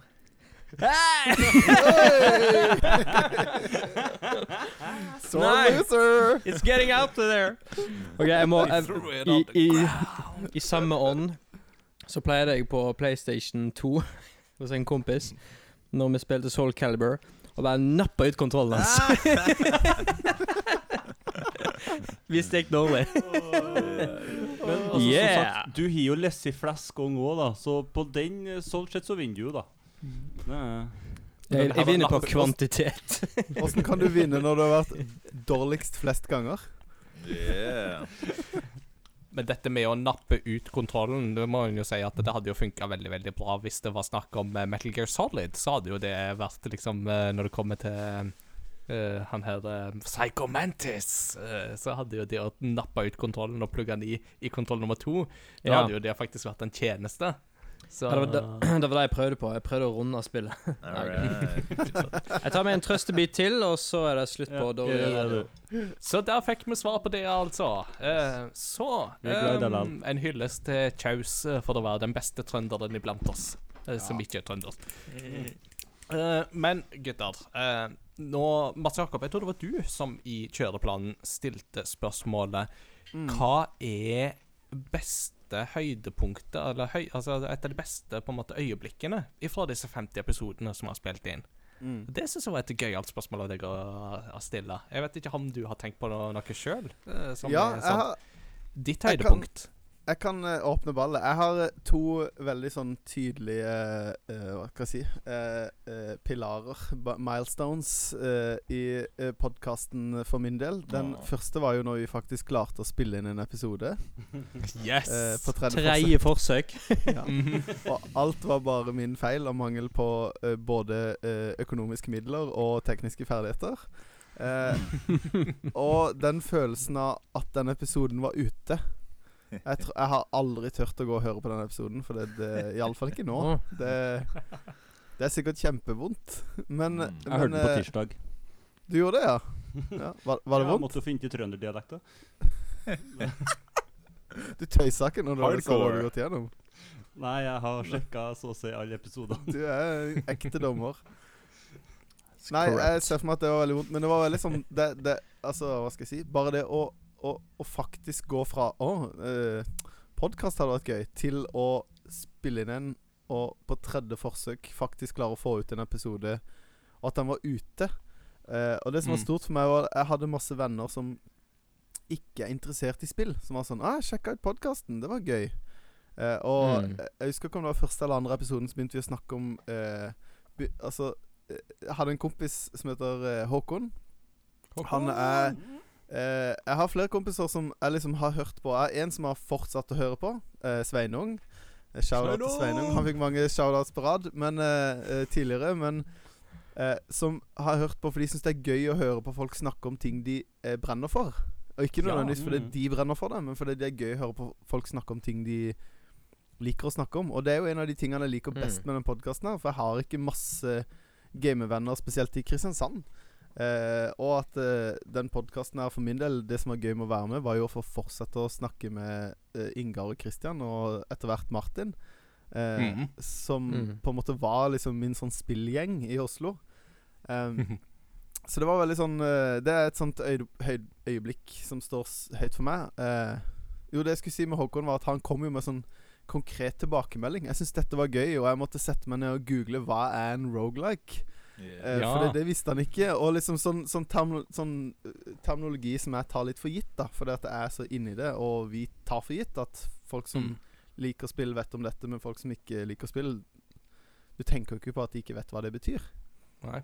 Akkurat Um, det Ja, sorry. Eh, Jeg skulle bare si at akkurat det teaser jo et eh, sånn sideprosjekt som vi, vi har lyst til å få i gang. Men vi har jo lyst til å få i gang en sånn sidepodkaster som heter What's the deal with? Uh, Mm. Der vi tar nettopp for oss litt sånne enkle ting som vi kanskje hopper over i den normale podkasten. Men da liksom ta og gå litt i dypdykk på hva er en rogelike, hva er The Legend of Zelda, uh, osv., osv. Ja. Så det er en plan som vi har, uh, og forhåpentligvis får på plass.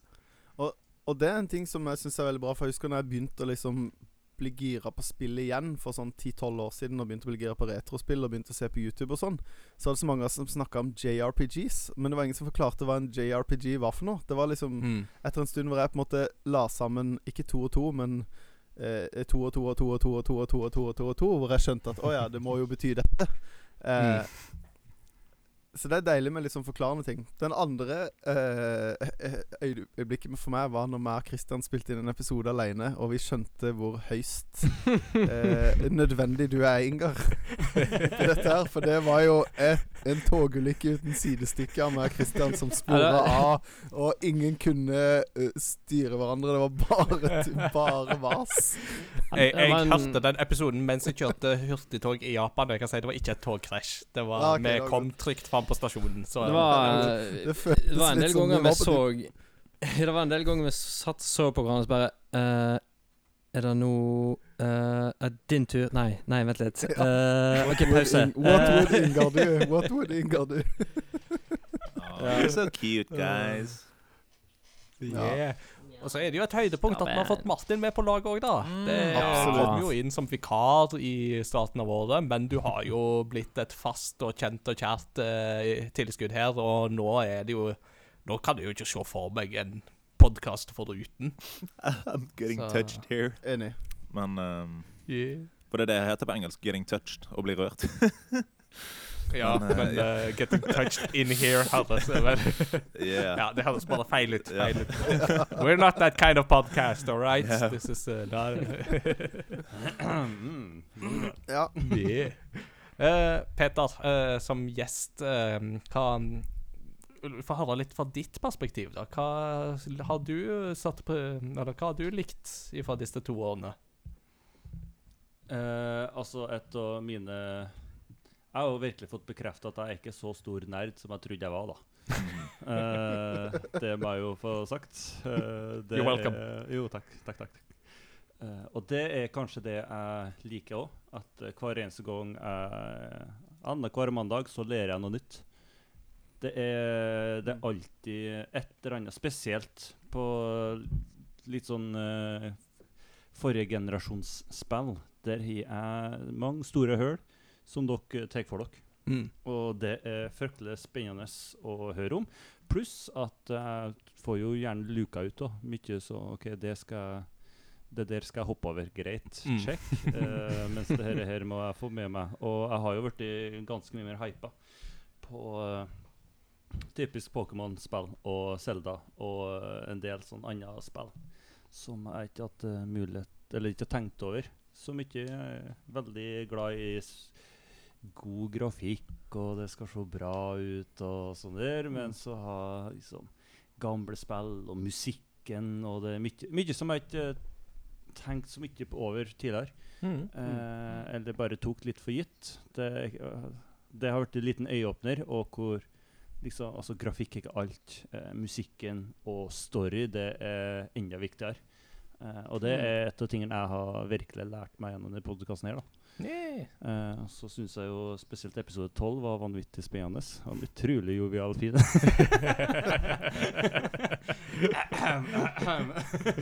Kjøssgutt, kjøssgutt.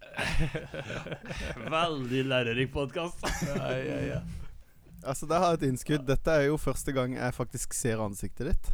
Mm. For når vi spilte inn episode 12, så satt jeg og stirra i kjøkkenveggen og skravla og prøvde å lytte og bryte inn når jeg kunne. Og det var jo et øyeblikk Det er første gang vi har spilt inn en podkast hvor vi kunne se hverandre.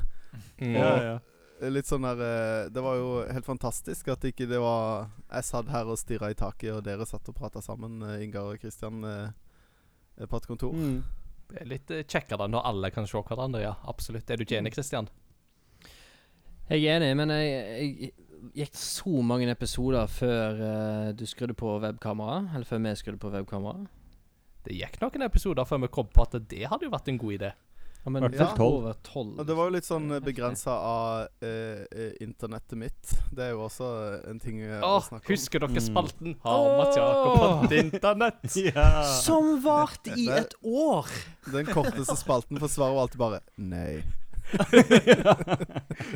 Helt til svaret bare var ja. Er så sa sånn, takk for oss. Mm. Det var ikke så mye Men det var jo litt sånn som når uh, du la meg til Facebook, og jeg er så dårlig på navn, så jeg må som regel se ansiktene på folk. Og så bare Mm. Hvem er den fyren der? Jeg har jo aldri sett den før. Men så var han jo kjent med navnet, og så bare Vent litt. Gikk jeg på Spotify. Oh, ja, der har vi det. OK, godkjent. Greit. Ja, det var. Det var. Sweet. Det var. Sweet. Nice. Kristian, eh, hva tenker du på som uh, noen av høydepunktene? Uh, jeg har nok to ganske sånn konkrete høydepunkt. Altså, det, det er jo noen generelle, da. Sånn som første gangen Peter var med, første gangen Martin var med, og når, når Martin ble en større del av podkasten. Og, og første episoden og alt det der. Uh, men hvis jeg skal si noe sånn konkret som ikke er blitt sagt, så uh, var Det var på en måte ikke en episode, da, men det var jo eh, Det var jo crossover gaming i riket. Men når jeg og Mats Jakob hadde en julestream Ja. hvor vi bare, vi bare satt opp um, Mac-en med webkamera pointa det mot CRT-TV-en. Det er den mest bare- getto-streamen noensinne. Altså, det er, det er så dårlig kvalitet at hvis du ser Hvis du går på Facebook, og så ser, går du inn på Crossover Gaming, trykker på videoer, og så ser du liksom det der stillbildet av filmen som vises før du liksom har trykt filmen. Det er jo en, et pikselert kaos. Det var, men det var, veldig, det var veldig koselig, for det kom liksom inn en del folk og som, ja. som chatta og foreslo ting, og det Så kom inn sånn noen sett, eh, ja, det kom inn noen elever og bare Notice me, senpai. Så, så det var veldig Ja, veldig kos. Ja, veldig gøy. Så tekniske problem til tross, så vil du si det gikk som en dans. Ja, det gikk som en dans. Og Ja, satser på at vi gjør det flere ganger, Mats Jakob. Ja, det, jeg syns Eh, det skal bli en årlig greie med julestream fra eh, Ja. garasjen. Absolutt. Mm. En dag, Mm. mine venner, så tar koronaen slutt, og da skal vi samles igjen og spille inn en episode fysisk alle til stede. Det, Ja. Mm. Det blir bra. Nice. Nei, jeg må Eh, jo si at eh, Sorry. Nei, nei, jeg hadde én til, men vil du si det du tenkte Ja, ja, først? bare kjør på. Siste er nok litt sånn uh, ego, men uh, jeg hadde en periode jeg hadde jobba litt med Unity og spillutvikling på egen hånd. Var blitt veldig, veldig interessert. Hadde begynt kommet på et nivå hvor jeg liksom begynte å undervise litt i det, og så nevnte Ingar at ja, Skate City er jo lansert, men skulle ikke invitert uh, Agens i en episode. Mm. Så tenkte jeg bare ja, ja, ja, konge. Og så sa de ja, og så kom de, og så var det selveste sjefen sjøl som kom i episoden, og så var det der en sånn episode hvor jeg bare tenkte etter episoden bare Shit, det her har jeg lyst til å jobbe med. Og så så ble det til en eh, samtale på LinkedIn som til slutt ble på mail, og som til slutt ble en kaffekopp, og så ble det plutselig en ny jobb som jeg sitter i i dag, da. Så det var jo et veldig sånn ja, personlig Mm. høydepunkt som hadde ganske masse å si for uh, livet ellers òg, på en måte. Mm. Mm. Det jeg er mest overraska over med den historien, er at du faktisk brukte LinkedIn. At det er noe Mm. som folk faktisk bruker. Du, jeg fikk eh, et uh, profesjonelt tips. Uh, hvis du vil virke pro, kon prøv å kontakte vedkommende på LinkedIn først. Jakob? LinkedIn Park. Nei, uh, Der er vi. han Altså, det må jo nevnes at i denne episoden ble jo eh, uttrykket pluss én satt. ja! Ja. Mm. Det, det skal jo mannen jeg, jeg husker hva han heter, jeg bare tenkte og Peter! Pet Peter må si det. Det er han som fant opp pluss én, og det er det eh, mest effektive og beste uttrykket jeg har fått på Jeg bruker det i jobbsammenheng med elevene. Sånn der, Å, jeg skulle også si det. Ja, pluss én. Jeg husker når han sa det, så bare alle vi tre bare Ja! Ja, det sånn, selvfølgelig er det det vi skal si. Pluss én på det. Helt rått. What have we been thinking? Yeah. Mm. Nei, sjøl så må jeg si at noen av mine mm, personlige Mm. høydepunkter fra tida som er gått, har jo vært når vi f.eks. har fått eh, pod, altså Discorden opp og gå, og vi har fått et Mm. ganske levende og aktivt, og ikke minst et sunt og godt eh, miljø der som virkelig på en måte blomstrer. Og det skal alle dere som hører på, som er med der, dere skal takke for det. For at dere er med på å bidra til å gjøre den discorden til et veldig bra sted. Det er liksom akkurat den tonen og måten å snakke sammen på som jeg liksom alltid har på en måte sett for, Altså Det er alltid den jeg har på en måte ønska at Crossover Gaming skal være. da En plass der en kan snakke om gaming og ha det kjekt og alle de tingene der, men samtidig gjøre det på en sunn og en god måte som ikke er verken nedlatende eller nedbrytende for, mot seg sjøl eller mot andre. Eh, et sted der respekten står veldig høyt. Eh, og det syns jeg er så kjekt å være med på, og det skal alle dere som er med, Mm.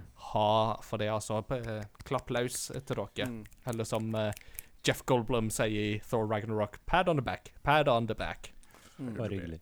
Ja. Jeg synes Det er jo fint at vi kan ha en, en discord som er på en måte Møllers tran av discord.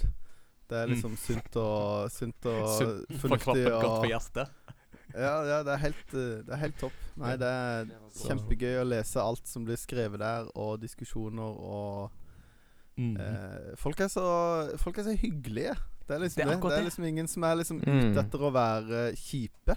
Folk Nei. er liksom greie og uh, uh, Når man er uenig, så er det ikke sånn derre blæ, blæ, blæ. Det er liksom saklig og fint og Det er greit I, I, å være uenig. I see your point, but I don't agree. Det er liksom litt den ja. Ja. Så det er Ut- veldig ut- trivelig. Uten at det er liksom passivt heller. Folk tør Mm. å liksom Men det er liksom motargumenter, da. Ordentlig liksom Det er en ordentlig diskusjon. Det er ikke liksom bare sånn der eh, internettvas. Mm. Eh, Så det, det det er veldig veldig, veldig, veldig trivelig. Og i forlengelsen av det så er jo det at vi har fått en nettside opp og gå som eh, er produktiv, der vi får lagt ut litt anmeldelser og sånn, som jeg er veldig kjekt. Det var veldig kjekt å være på NLA i fjor høst og snakke Ja. om disse tingene som vi holdt på med. Det var jo deg og meg, Kristian, var jo på det, og jeg tror begge vi syntes det var artig.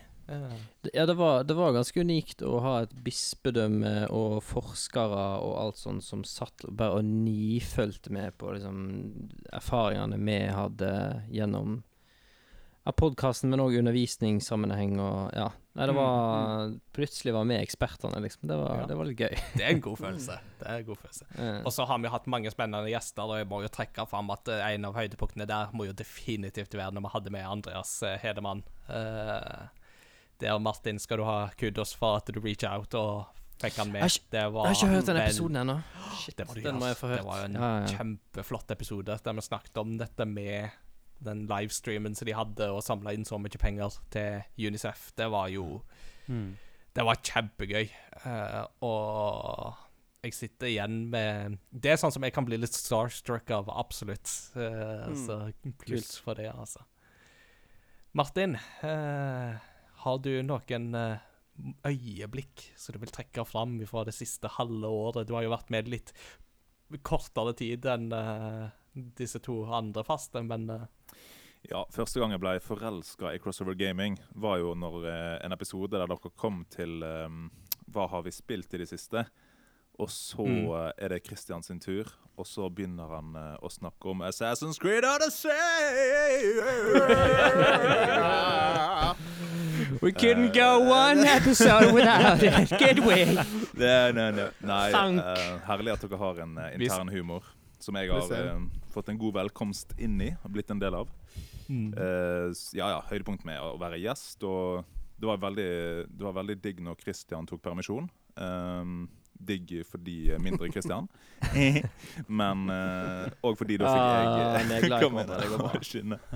Det går bra. Å få begynne fast.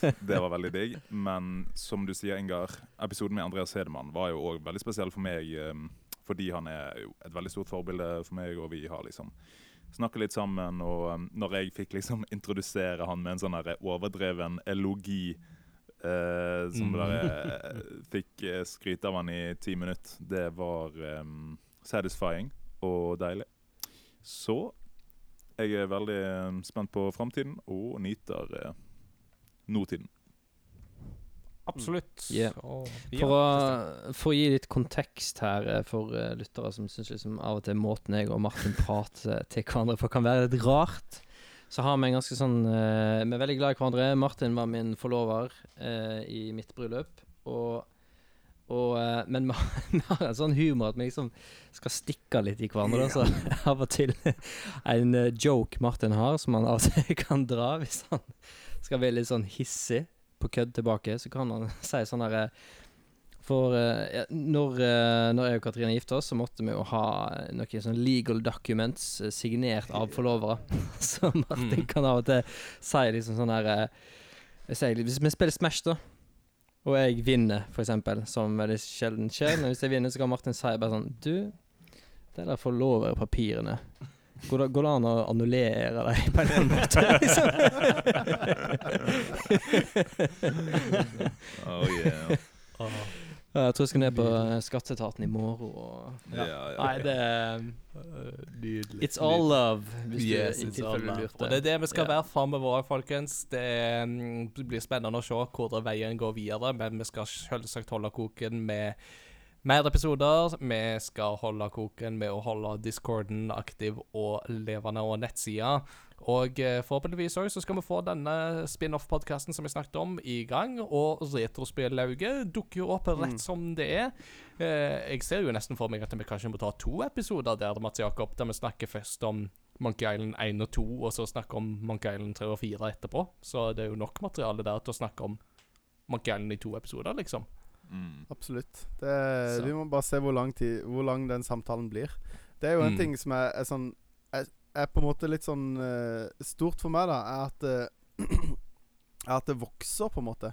At det Mm. starta med at vi tre hadde lyst til å snakke om spill, og tenkte at det var rom for en podkast som var eh, clean og eh, på en måte snakka om spill på en positiv måte, og til hverandre på en positiv måte, og om hverandre på en positiv måte, som var eh, bra, da. Altså, det var, det var på en måte et, et rom for å ha den og det kristne på en måte gr grunnsynet. da Ikke at Vi er jo ikke forkynnende på noen måte, men at vi er At vi alle er der i, i, vårt, i vår tro. At vi kan snakke om spill i lys av det. Mm. Eh, og at det har liksom vokst til at vi har spilt inn 50 episoder. Vi har eh, en, en, en god, fast gjeng som hører på. Som, som Mm. setter pris på det vi gir ut. Og vi har folk som har lyst til å være med i Retrospillauget. Det er rom for å lage sidepodkaster. Vi har nettside, Discord. Altså at det har på en måte blitt en, mer, en, en større greie enn bare tre-fire stykker som snakker om spill i to timer. Mm. Som det begynte Mm. som, da. At det, det Det syns jeg er eh, veldig, veldig gøy. At det er blitt noe mer enn bare det. Eh, Mm. For det kunne fort blitt 20 episoder, og så døde det ut. Men vi har liksom eh, klart å få til en ting som andre setter pris på. For det, at dette gjør vi jo først og fremst fordi vi syns det er gøy. Og vi har Mm. alltid sagt at dette skal være lystbetont og overskuddsprosjekt. Mm. Eh, og så er det blitt et overskuddsprosjekt som det er rom for mer, da. Og det syns jeg er Mm. veldig positivt. Mm. Veldig. Så yeah. Eh, vi gir oss ikke på 50 episoder, eh, mine damer og herrer. Eh, vi skal holde koken i tida som kommer òg. Og det blir en ny festgudstjeneste om to år når vi har pinga episode 100. Da er det Nå må vi ha celebre gjester, og da kan vi forhåpentligvis spille inn på samme lokasjon òg. En dag skal vi møtes igjen. For dette er en hebreke pachinko-kontroller til Super Nintendo. It's curiosity. What are you gonna show to me? It's curiosity. What a neat thing to know. It's curiosity. What are you gonna show to me? I haven't even heard of it. What a neat thing to know. It's a great part of the show. All right. Vi begynner å nærme oss en slutt, men vi skal innom et par små segmenter, eh, som tradisjonen tror. Kuriositeten skal vi ha på plass. Og Martin, du nevnte noe om eh, mørke sider ved Pokémon i Ja. en pause her. Ja, jeg ble litt inspirert av deg, Ingar, som har på deg uh, The Ghost of Marowak-T-skjorte fra Pokémon. Eh, at jeg, lik, Yeah. jeg liker disse her eh, mørke sidene av, eh, av Pokémon. Og eh, jeg skal presentere denne kuriositeten på en måte med fakta, og så er jeg spent på om dere klarer å dra konklusjonen, som er på en måte kuriositeten, da. OK, Mm. her kommer de. Mew og Ditto. Eh, de deler eh, identiske farger for både vanlig og shiny. Eh, OK? Eh, Mew og Ditto de har samme vekt, 8,8 LBS. Eh, Mm. De er begge eh, kjønnsløse. Mhm. Eh, de har eh, begge eh, like stats i alt. Bare at eh, Mew har eh, mye bedre i alt, da, men Ditto har òg likt i alt. Eh, de er de eneste Pokémonene som kan transform eh, angrepet. -hmm. Um, og så har du det med at um,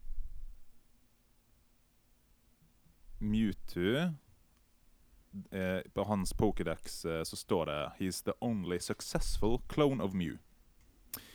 Um, og så har du det med at eh, et sted der du kan fange Ditto, det er på Cinnabar Island, der med flammegymmen. Mhm. Der står det mange records om eh, failed attempts at cloning Mew. Mhm. Og så, der du kan fange Mewtwo i Cerulean City, der kan du òg fange mange dittoer. Så da Ja. er spørsmålet Mm. eh, Klarer dere å dra en konklusjon av disse faktaene her? Hmm. At konklusjonen rett og slett er at Dittos er failed attempts at cloning. Cloning Eh, Mew. det, Så Ditto ja, er Stakkars Ditto er en feila Mew-klone. Um, som bare kan transformere seg. Uh, så er Mewtwo er jo da eneste suksessfulle klone av Mew. Så det er litt, vi tenner et lys for Ditto. Um, og eh, ja, har sympati med Ditto i dag. Ditto. I come across over gaming.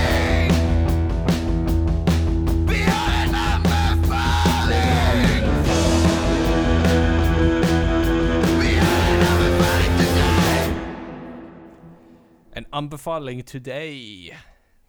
Eller til deg, er det jo egentlig. Eh, det er vanskelig å få den rista av seg etter til Eirik Eirik ødela den for meg, sånn å høre meg sjøl synge 'Today'. Det er- det- det. Det er vanskelig å ødelegge det så mye for eh, alle andre. Ja, ja, ja. Men eh, Peter, du mm, skal jo Eller nei, det er ikke Peter som skal gi en anbefaling. Vi skal alle sammen komme med en anbefaling i dag, siden det er festgudstjeneste. Eh, så alle skal komme med én anbefaling.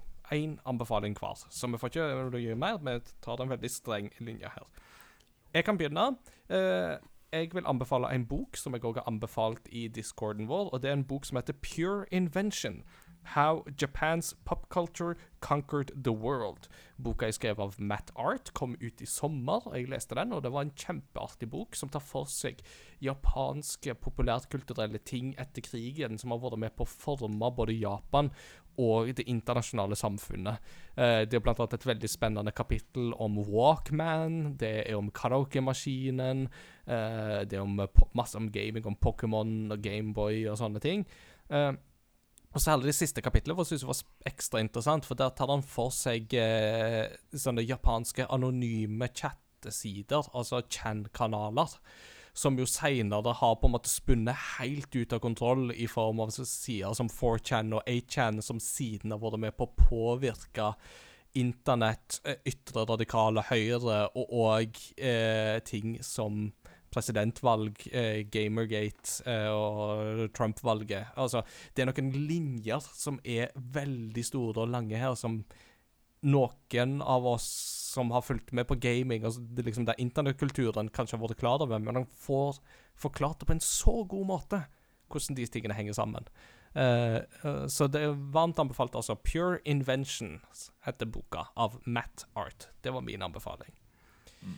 Peter, har du en anbefaling? Eh, ja, der satte han en drue fast i halsen, så da kan jo kanskje jo Nei, det, det går Rest in peace. Ja. Uh, ja. jeg lever. Det er flott. Uh, da tenkte jeg å trekke fram uh, Corridor Crew på YouTube. Yeah. En YouTube-kanal. Eh, Mm. Det er da en gjeng som driver med eh, redigering av film og video og sånn der. Eh, kanalen deres er delt opp litt forskjellig, men de to jeg foretrekker, det er da øyene er hvor de eh, tar, går gjennom forskjellige scener og forskjellige filmer. Og så forteller de hvordan er det de har redigert inn dette her. Eh, og da er det alt fra 'Ringenes herre' til nyere uh, filmer og helt, helt tilbake til Star Wars, den gamle Star Wars-filmene. Mm. Den episoden må dere se, for det er helt sykt Mhm. hva de gjorde der. Mm. Eh, teaser. Eh, mye av det du ser der, er maleri. Ja. Eh, det visste ikke jeg, men det syns jeg var fascinerende. Det andre det er da når de får inn en stuntmann, og så går de gjennom hvordan forskjellige stunt har blitt gjort i eh, mange filmer, og da tar de alt ifra eh, typiske asiatiske, helt syke kung fu-greier, til eh, f.eks. Marvel-filmer, hvordan eh, de har gjort de forskjellige kampscenene der. Eh, og da har du annet i, eh, i Captain America Civil War, når eh, eh, Captain eh, eh, eh, eh, eh, Og det sto det Black Panther og Hjelp meg. Winter Soldier sprenger gjennom den tunnelen. Ja. Så sprenger de jo etter noen biler og hopper over bilene. Det gjør de i virkeligheten. Da har de tepper som de sprenger på, og bilene som er festa til bilene. Så da sprenger de eh, bak biler på tepper i 60 km i timen. eh, og hopper på en bil over på neste. Og, eh, så det er ikke De har bare tatt vekk teppet, men den sprenginga i den tunnelen bak de bilene, i den farta, det er ekte. Det er sykt. Eh, veldig fascinerende når du får se hvordan de faktisk har gjort det. Så eh, Corridor Crew på YouTube eh, Ja, sjekk ut det. Du har mye, mye interessant i vente. Smooth. Mm. Martin, har du en uh, anbefaling du har lyst til å komme med til våre lyttere? Ja, jeg har jo tidligere anbefalt Amazon Prime TV-serier. Der er det mye bra, altså. Og den eh, siste jeg har sett, det heter James May, Our Man in Japan. Altså kjent fra Mm. Top Gear, James May.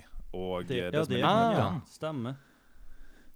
er at uh, de tar liksom hele Japan. I episode én så begynner de oppe i nord i Hokkaido. Og så beveger de seg nedover da, og tar for seg hele Japan. Så du får litt av eh, bygde-Japan, og så får du denne her eh, British guy in eh, Japan. Top Gear har jo et veldig høyt nivå, og det har liksom de opprettholdt her på Amazon. da, Uten at det er noe veldig sånn bilete. da. Det er jo bare han som reiser rundt i Japan. Og det er jo fantastisk eh, representert, syns jeg. Så den, eh, hvis du har lyst på reisetips i Japan og sånn her, check it out. Nice. Veldig, veldig bra. Mats Jakob, hva er din anbefaling? Ja, min anbefaling er jo da heie på Aston Villa. Nei da. Eh, men eh, de, de vant for øvrig 3-0. Det er jo ikke noe spoiler siden her kommer ut senere, men eh, de vant i dag. Kjempebra. Uh. Rosenborg vant 1-0. Eh, min anbefaling er et eh, Super Famicom-spill som jeg fikk anbefalt, og så høres det sykt fjernt ut. For spillet heter Cosmo Gang The Video. Ikke video game, men The Video. Yeah. Eh, jeg kan jo vise for dere. Dette er litt sånn sø søte Det var ikke så lett med glare og sånn, men det er noen søte rosa romvesener. Ja, ja, ja. ja. Og det er i praksis Det er i praksis en Galaga-klone. Grunnen til at jeg, jeg, jeg, jeg fikk så kick på det, var fordi at eh, jeg satt kjempelenge på eh, mange kvelder på Tilt med min venn Sindre og Eivind. Og spilte gallaga på de her cocktail ja, Sindre! Eh, og hørte Og spilte gallaga. Eh, og vi ble etter hvert eh, Ja, jeg vil ikke si gode, men vi begynte å skjønne spillet. Og begynte å liksom få det til på disse her litt godslitte eh, vann... Eh, joystickene på Tilt. Eh, så tenkte jeg jeg har jo lyst til å spille dette hjemme, og så så jeg en video på YouTube av en YouTube-kanal som heter GameSack, som er veldig bra. De har en serie som heter Left in Japan. Eh, Mm. Hvor de snakker om eh, konsollspill, arkadespill og PC-spill som bare kom ut i Japan, som er veldig bra. Og da snakker de om Cosmo Gang. Det fins flere Cosmo Gang-spill, men dette er en superbra Galaga-klone. Eh, Ja. Den spiller, spiller kjempebra, eh, og har litt sånn der arkadebonus mm, Sånn eh, bonusrunder imellom, og du skal eh, gjennom seks planeter for å liksom Jeg får ikke med meg noe av historien, for alt er jo på japansk. Og det er til og med liksom en tegneseriestripe bakpå på japansk. eh, men jeg syns karakterene har en sånn deilig 90-talls, 80-90-talls eh, barne-TV-fil. Eh, eh, og min gutt på fem år syns det er dødsgøy, og jeg syns det er dødsgøy. Så det er kommer høyt anbefalt. En veldig bra, litt sånn skjult skatt fra Japan. Mm. Kult. All right, Mm. Christian, take us home. Hva er din anbefaling? Fasiten i dag er ikke det. Eh, jeg, jeg bare superkjapt? Jeg glemte Jeg glemte et høydepunkt i stad, uh, som jeg bare må ta superkjapt. Og det er når jeg vant uh, trønderkonkurransen. Eh, OK, men Det var jo det du gjorde. That's how I Konkurransen remember var it. det dårligste. Du vant. Selektiv hukommelse. OK, down Trump. Juhu, yeah. Jeg skjønner ikke hvorfor du Donald fulgte det. Nei da. Ehm, jeg, burde, jo- jeg burde kanskje egentlig ikke slutta denne anbefalingsspalten, for min er nok litt sånn en litt sånn tyngre anbefaling. Ehm, eh, så lenge den ikke er anbefalt her før, da. Uh, men uh, The Social Dilemma er en dokumentar Ja. som er ganske ny, som er to uker gammel cirka, som ligger på Netflix. Og dokumentaren er tidligere ansatte i Google, Facebook, Instagram, Pinterest Ja, store sosiale SoMe-nettverk som uh, har gått ut av De orker ikke jobbe der lenger. Og så forteller de jo liksom om hele businessmodellen til uh, disse um, selskapene, og etikken og algoritmer og AI og Og bare hele den herre Alt som nå har resultert i at vi som brukere blir ikke sett på som brukere, men vi blir sett på som produktet. Mm. Og, eh, og Facebook eh, tjener mer reklamepenger jo lenger eh, Med meg, for eksempel, da, så tjener de mer penger jo lenger jeg sitter på Facebook. OK, Mm. det er greit. Hva har Facebook lyst til da? Jo, Facebook har lyst til at jeg skal sitte så lenge som mulig på Facebook. Og hva gjør Facebook da, som sikkert egentlig i utgangspunktet ikke var dårlig ment? Jo, da har de lyst til å lære seg hva jeg liker, sånn at jeg kan få se mer av det. Ja, det er en fin tanke. Men det er da, litt eh, noe lignende som du var inne på i stad, Ingar, med din anbefaling, det er da du eh, til slutt får disse her ekkokamrene på Facebook. Så hvis du har eh, eksempel eh, Black Lives Matter, sant, som er en, et viktig tema nå om dagene. Eh, hvis du har sett en eller annen person si et eller annet kritisk, eller, eller har en annen, et annet syn på det der, og du tenker ja, ok, det var litt interessant, det var egentlig ganske gode poeng, og hvis du da ender opp med å se hele den, og ikke bare ti sekunder, så lærer Facebook seg å ja, ok, du likte det her, ok, da skal du få mer av det. Men det som da skjer, er at da blir du mata av liksom 15 filmer som sier akkurat det der, og så blir du bekrefta, bekrefta, bekrefta bekrefta i tankene du har. Får lite motstand, og så plutselig får du et sånn politisk syn på verden eh, uten motstand, og som, og som kanskje ikke helt stemmer, da, men du er kun bevisst blitt mata av akkurat det synet. For det var det som Mm. holdt deg på Facebook lengst. Så du, det, det, du får ganske sånn skumle politiske bevegelser. Du får eh, enkelte eh, grupp, folkegrupper som har hatt en kjempestor eh, oppgang i psykiske lidelser sist, sammenlignet med for ti år siden. En ganske tung eh, dokumentar, men som voksne folk som eh, enten har barn, eller kanskje kommer til å få barn, eller eh, jobber med barn.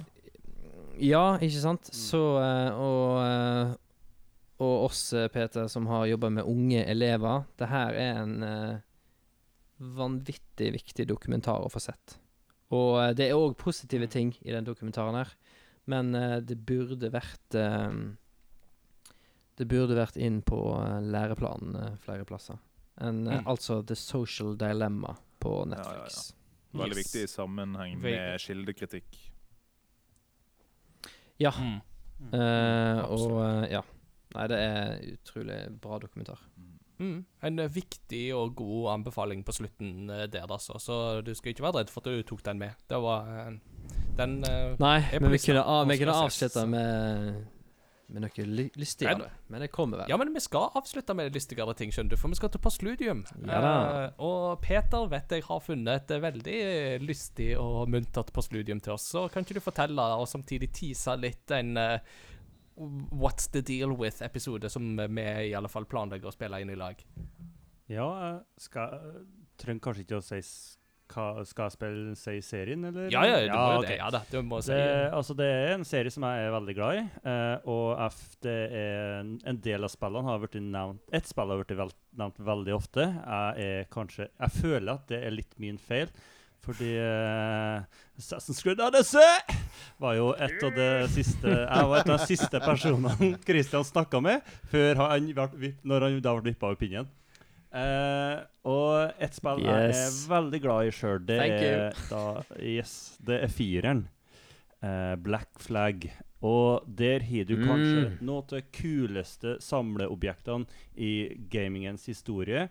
Uh, det er sea shanties. Yes! Uh, jo flere du samler, jo flere sanger får dere Mannskapet. mannskapet på skipene.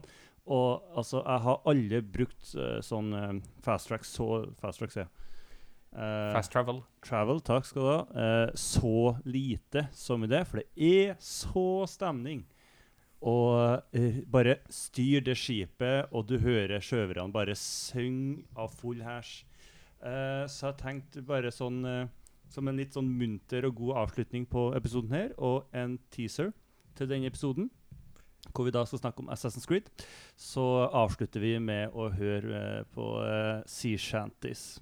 Fra Black Flag, altså. Oh yes. Oh yeah. Og det er jo gamle, Nydelig. tradisjonelle låter, så vi Mm. har ikke tatt oss tid til å finne komponistene på disse her. Det er ikke alle vi vet engang, så men eh, Søk det- på YouTube, så Ja finner du mye gull. mm, Så eh, nå skal vi høre på sjørøversang og hei fadderi og fadderullan deg. Og med det så. Og med det så tenker jeg at eh, vi takker for denne fantastiske, gøyale festgudstjenesten som dere har fått uh, vært med på. Og som jeg har fått lov å spille inn for dere. Veldig kjekt. Lik oss på Facebook, vær med oss i Discord og heng der. Sjekk oss ut på YouTube de gangene vi legger ut ting der. Og sjekk ut hjemmesida crossovergaming.no. Der vil du få med deg alt som vi måtte legge ut, og da kan jeg love deg at det går som en dans. Og med det så er det jo bare å si, som alltid, at vi snakkes ved neste korsvei. Ha det så lenge! Ha det. Og hei, fadderi og fadderullan Ha det på badet. Og hei, fadderi og fadderullan deg. Now you're ready to sail for the horn. Way, roll and go. Our boots and our clothes, boys, are all in the horn. To be rollicking, randy, dandy, oh. Heave up, oh, heave away. Way,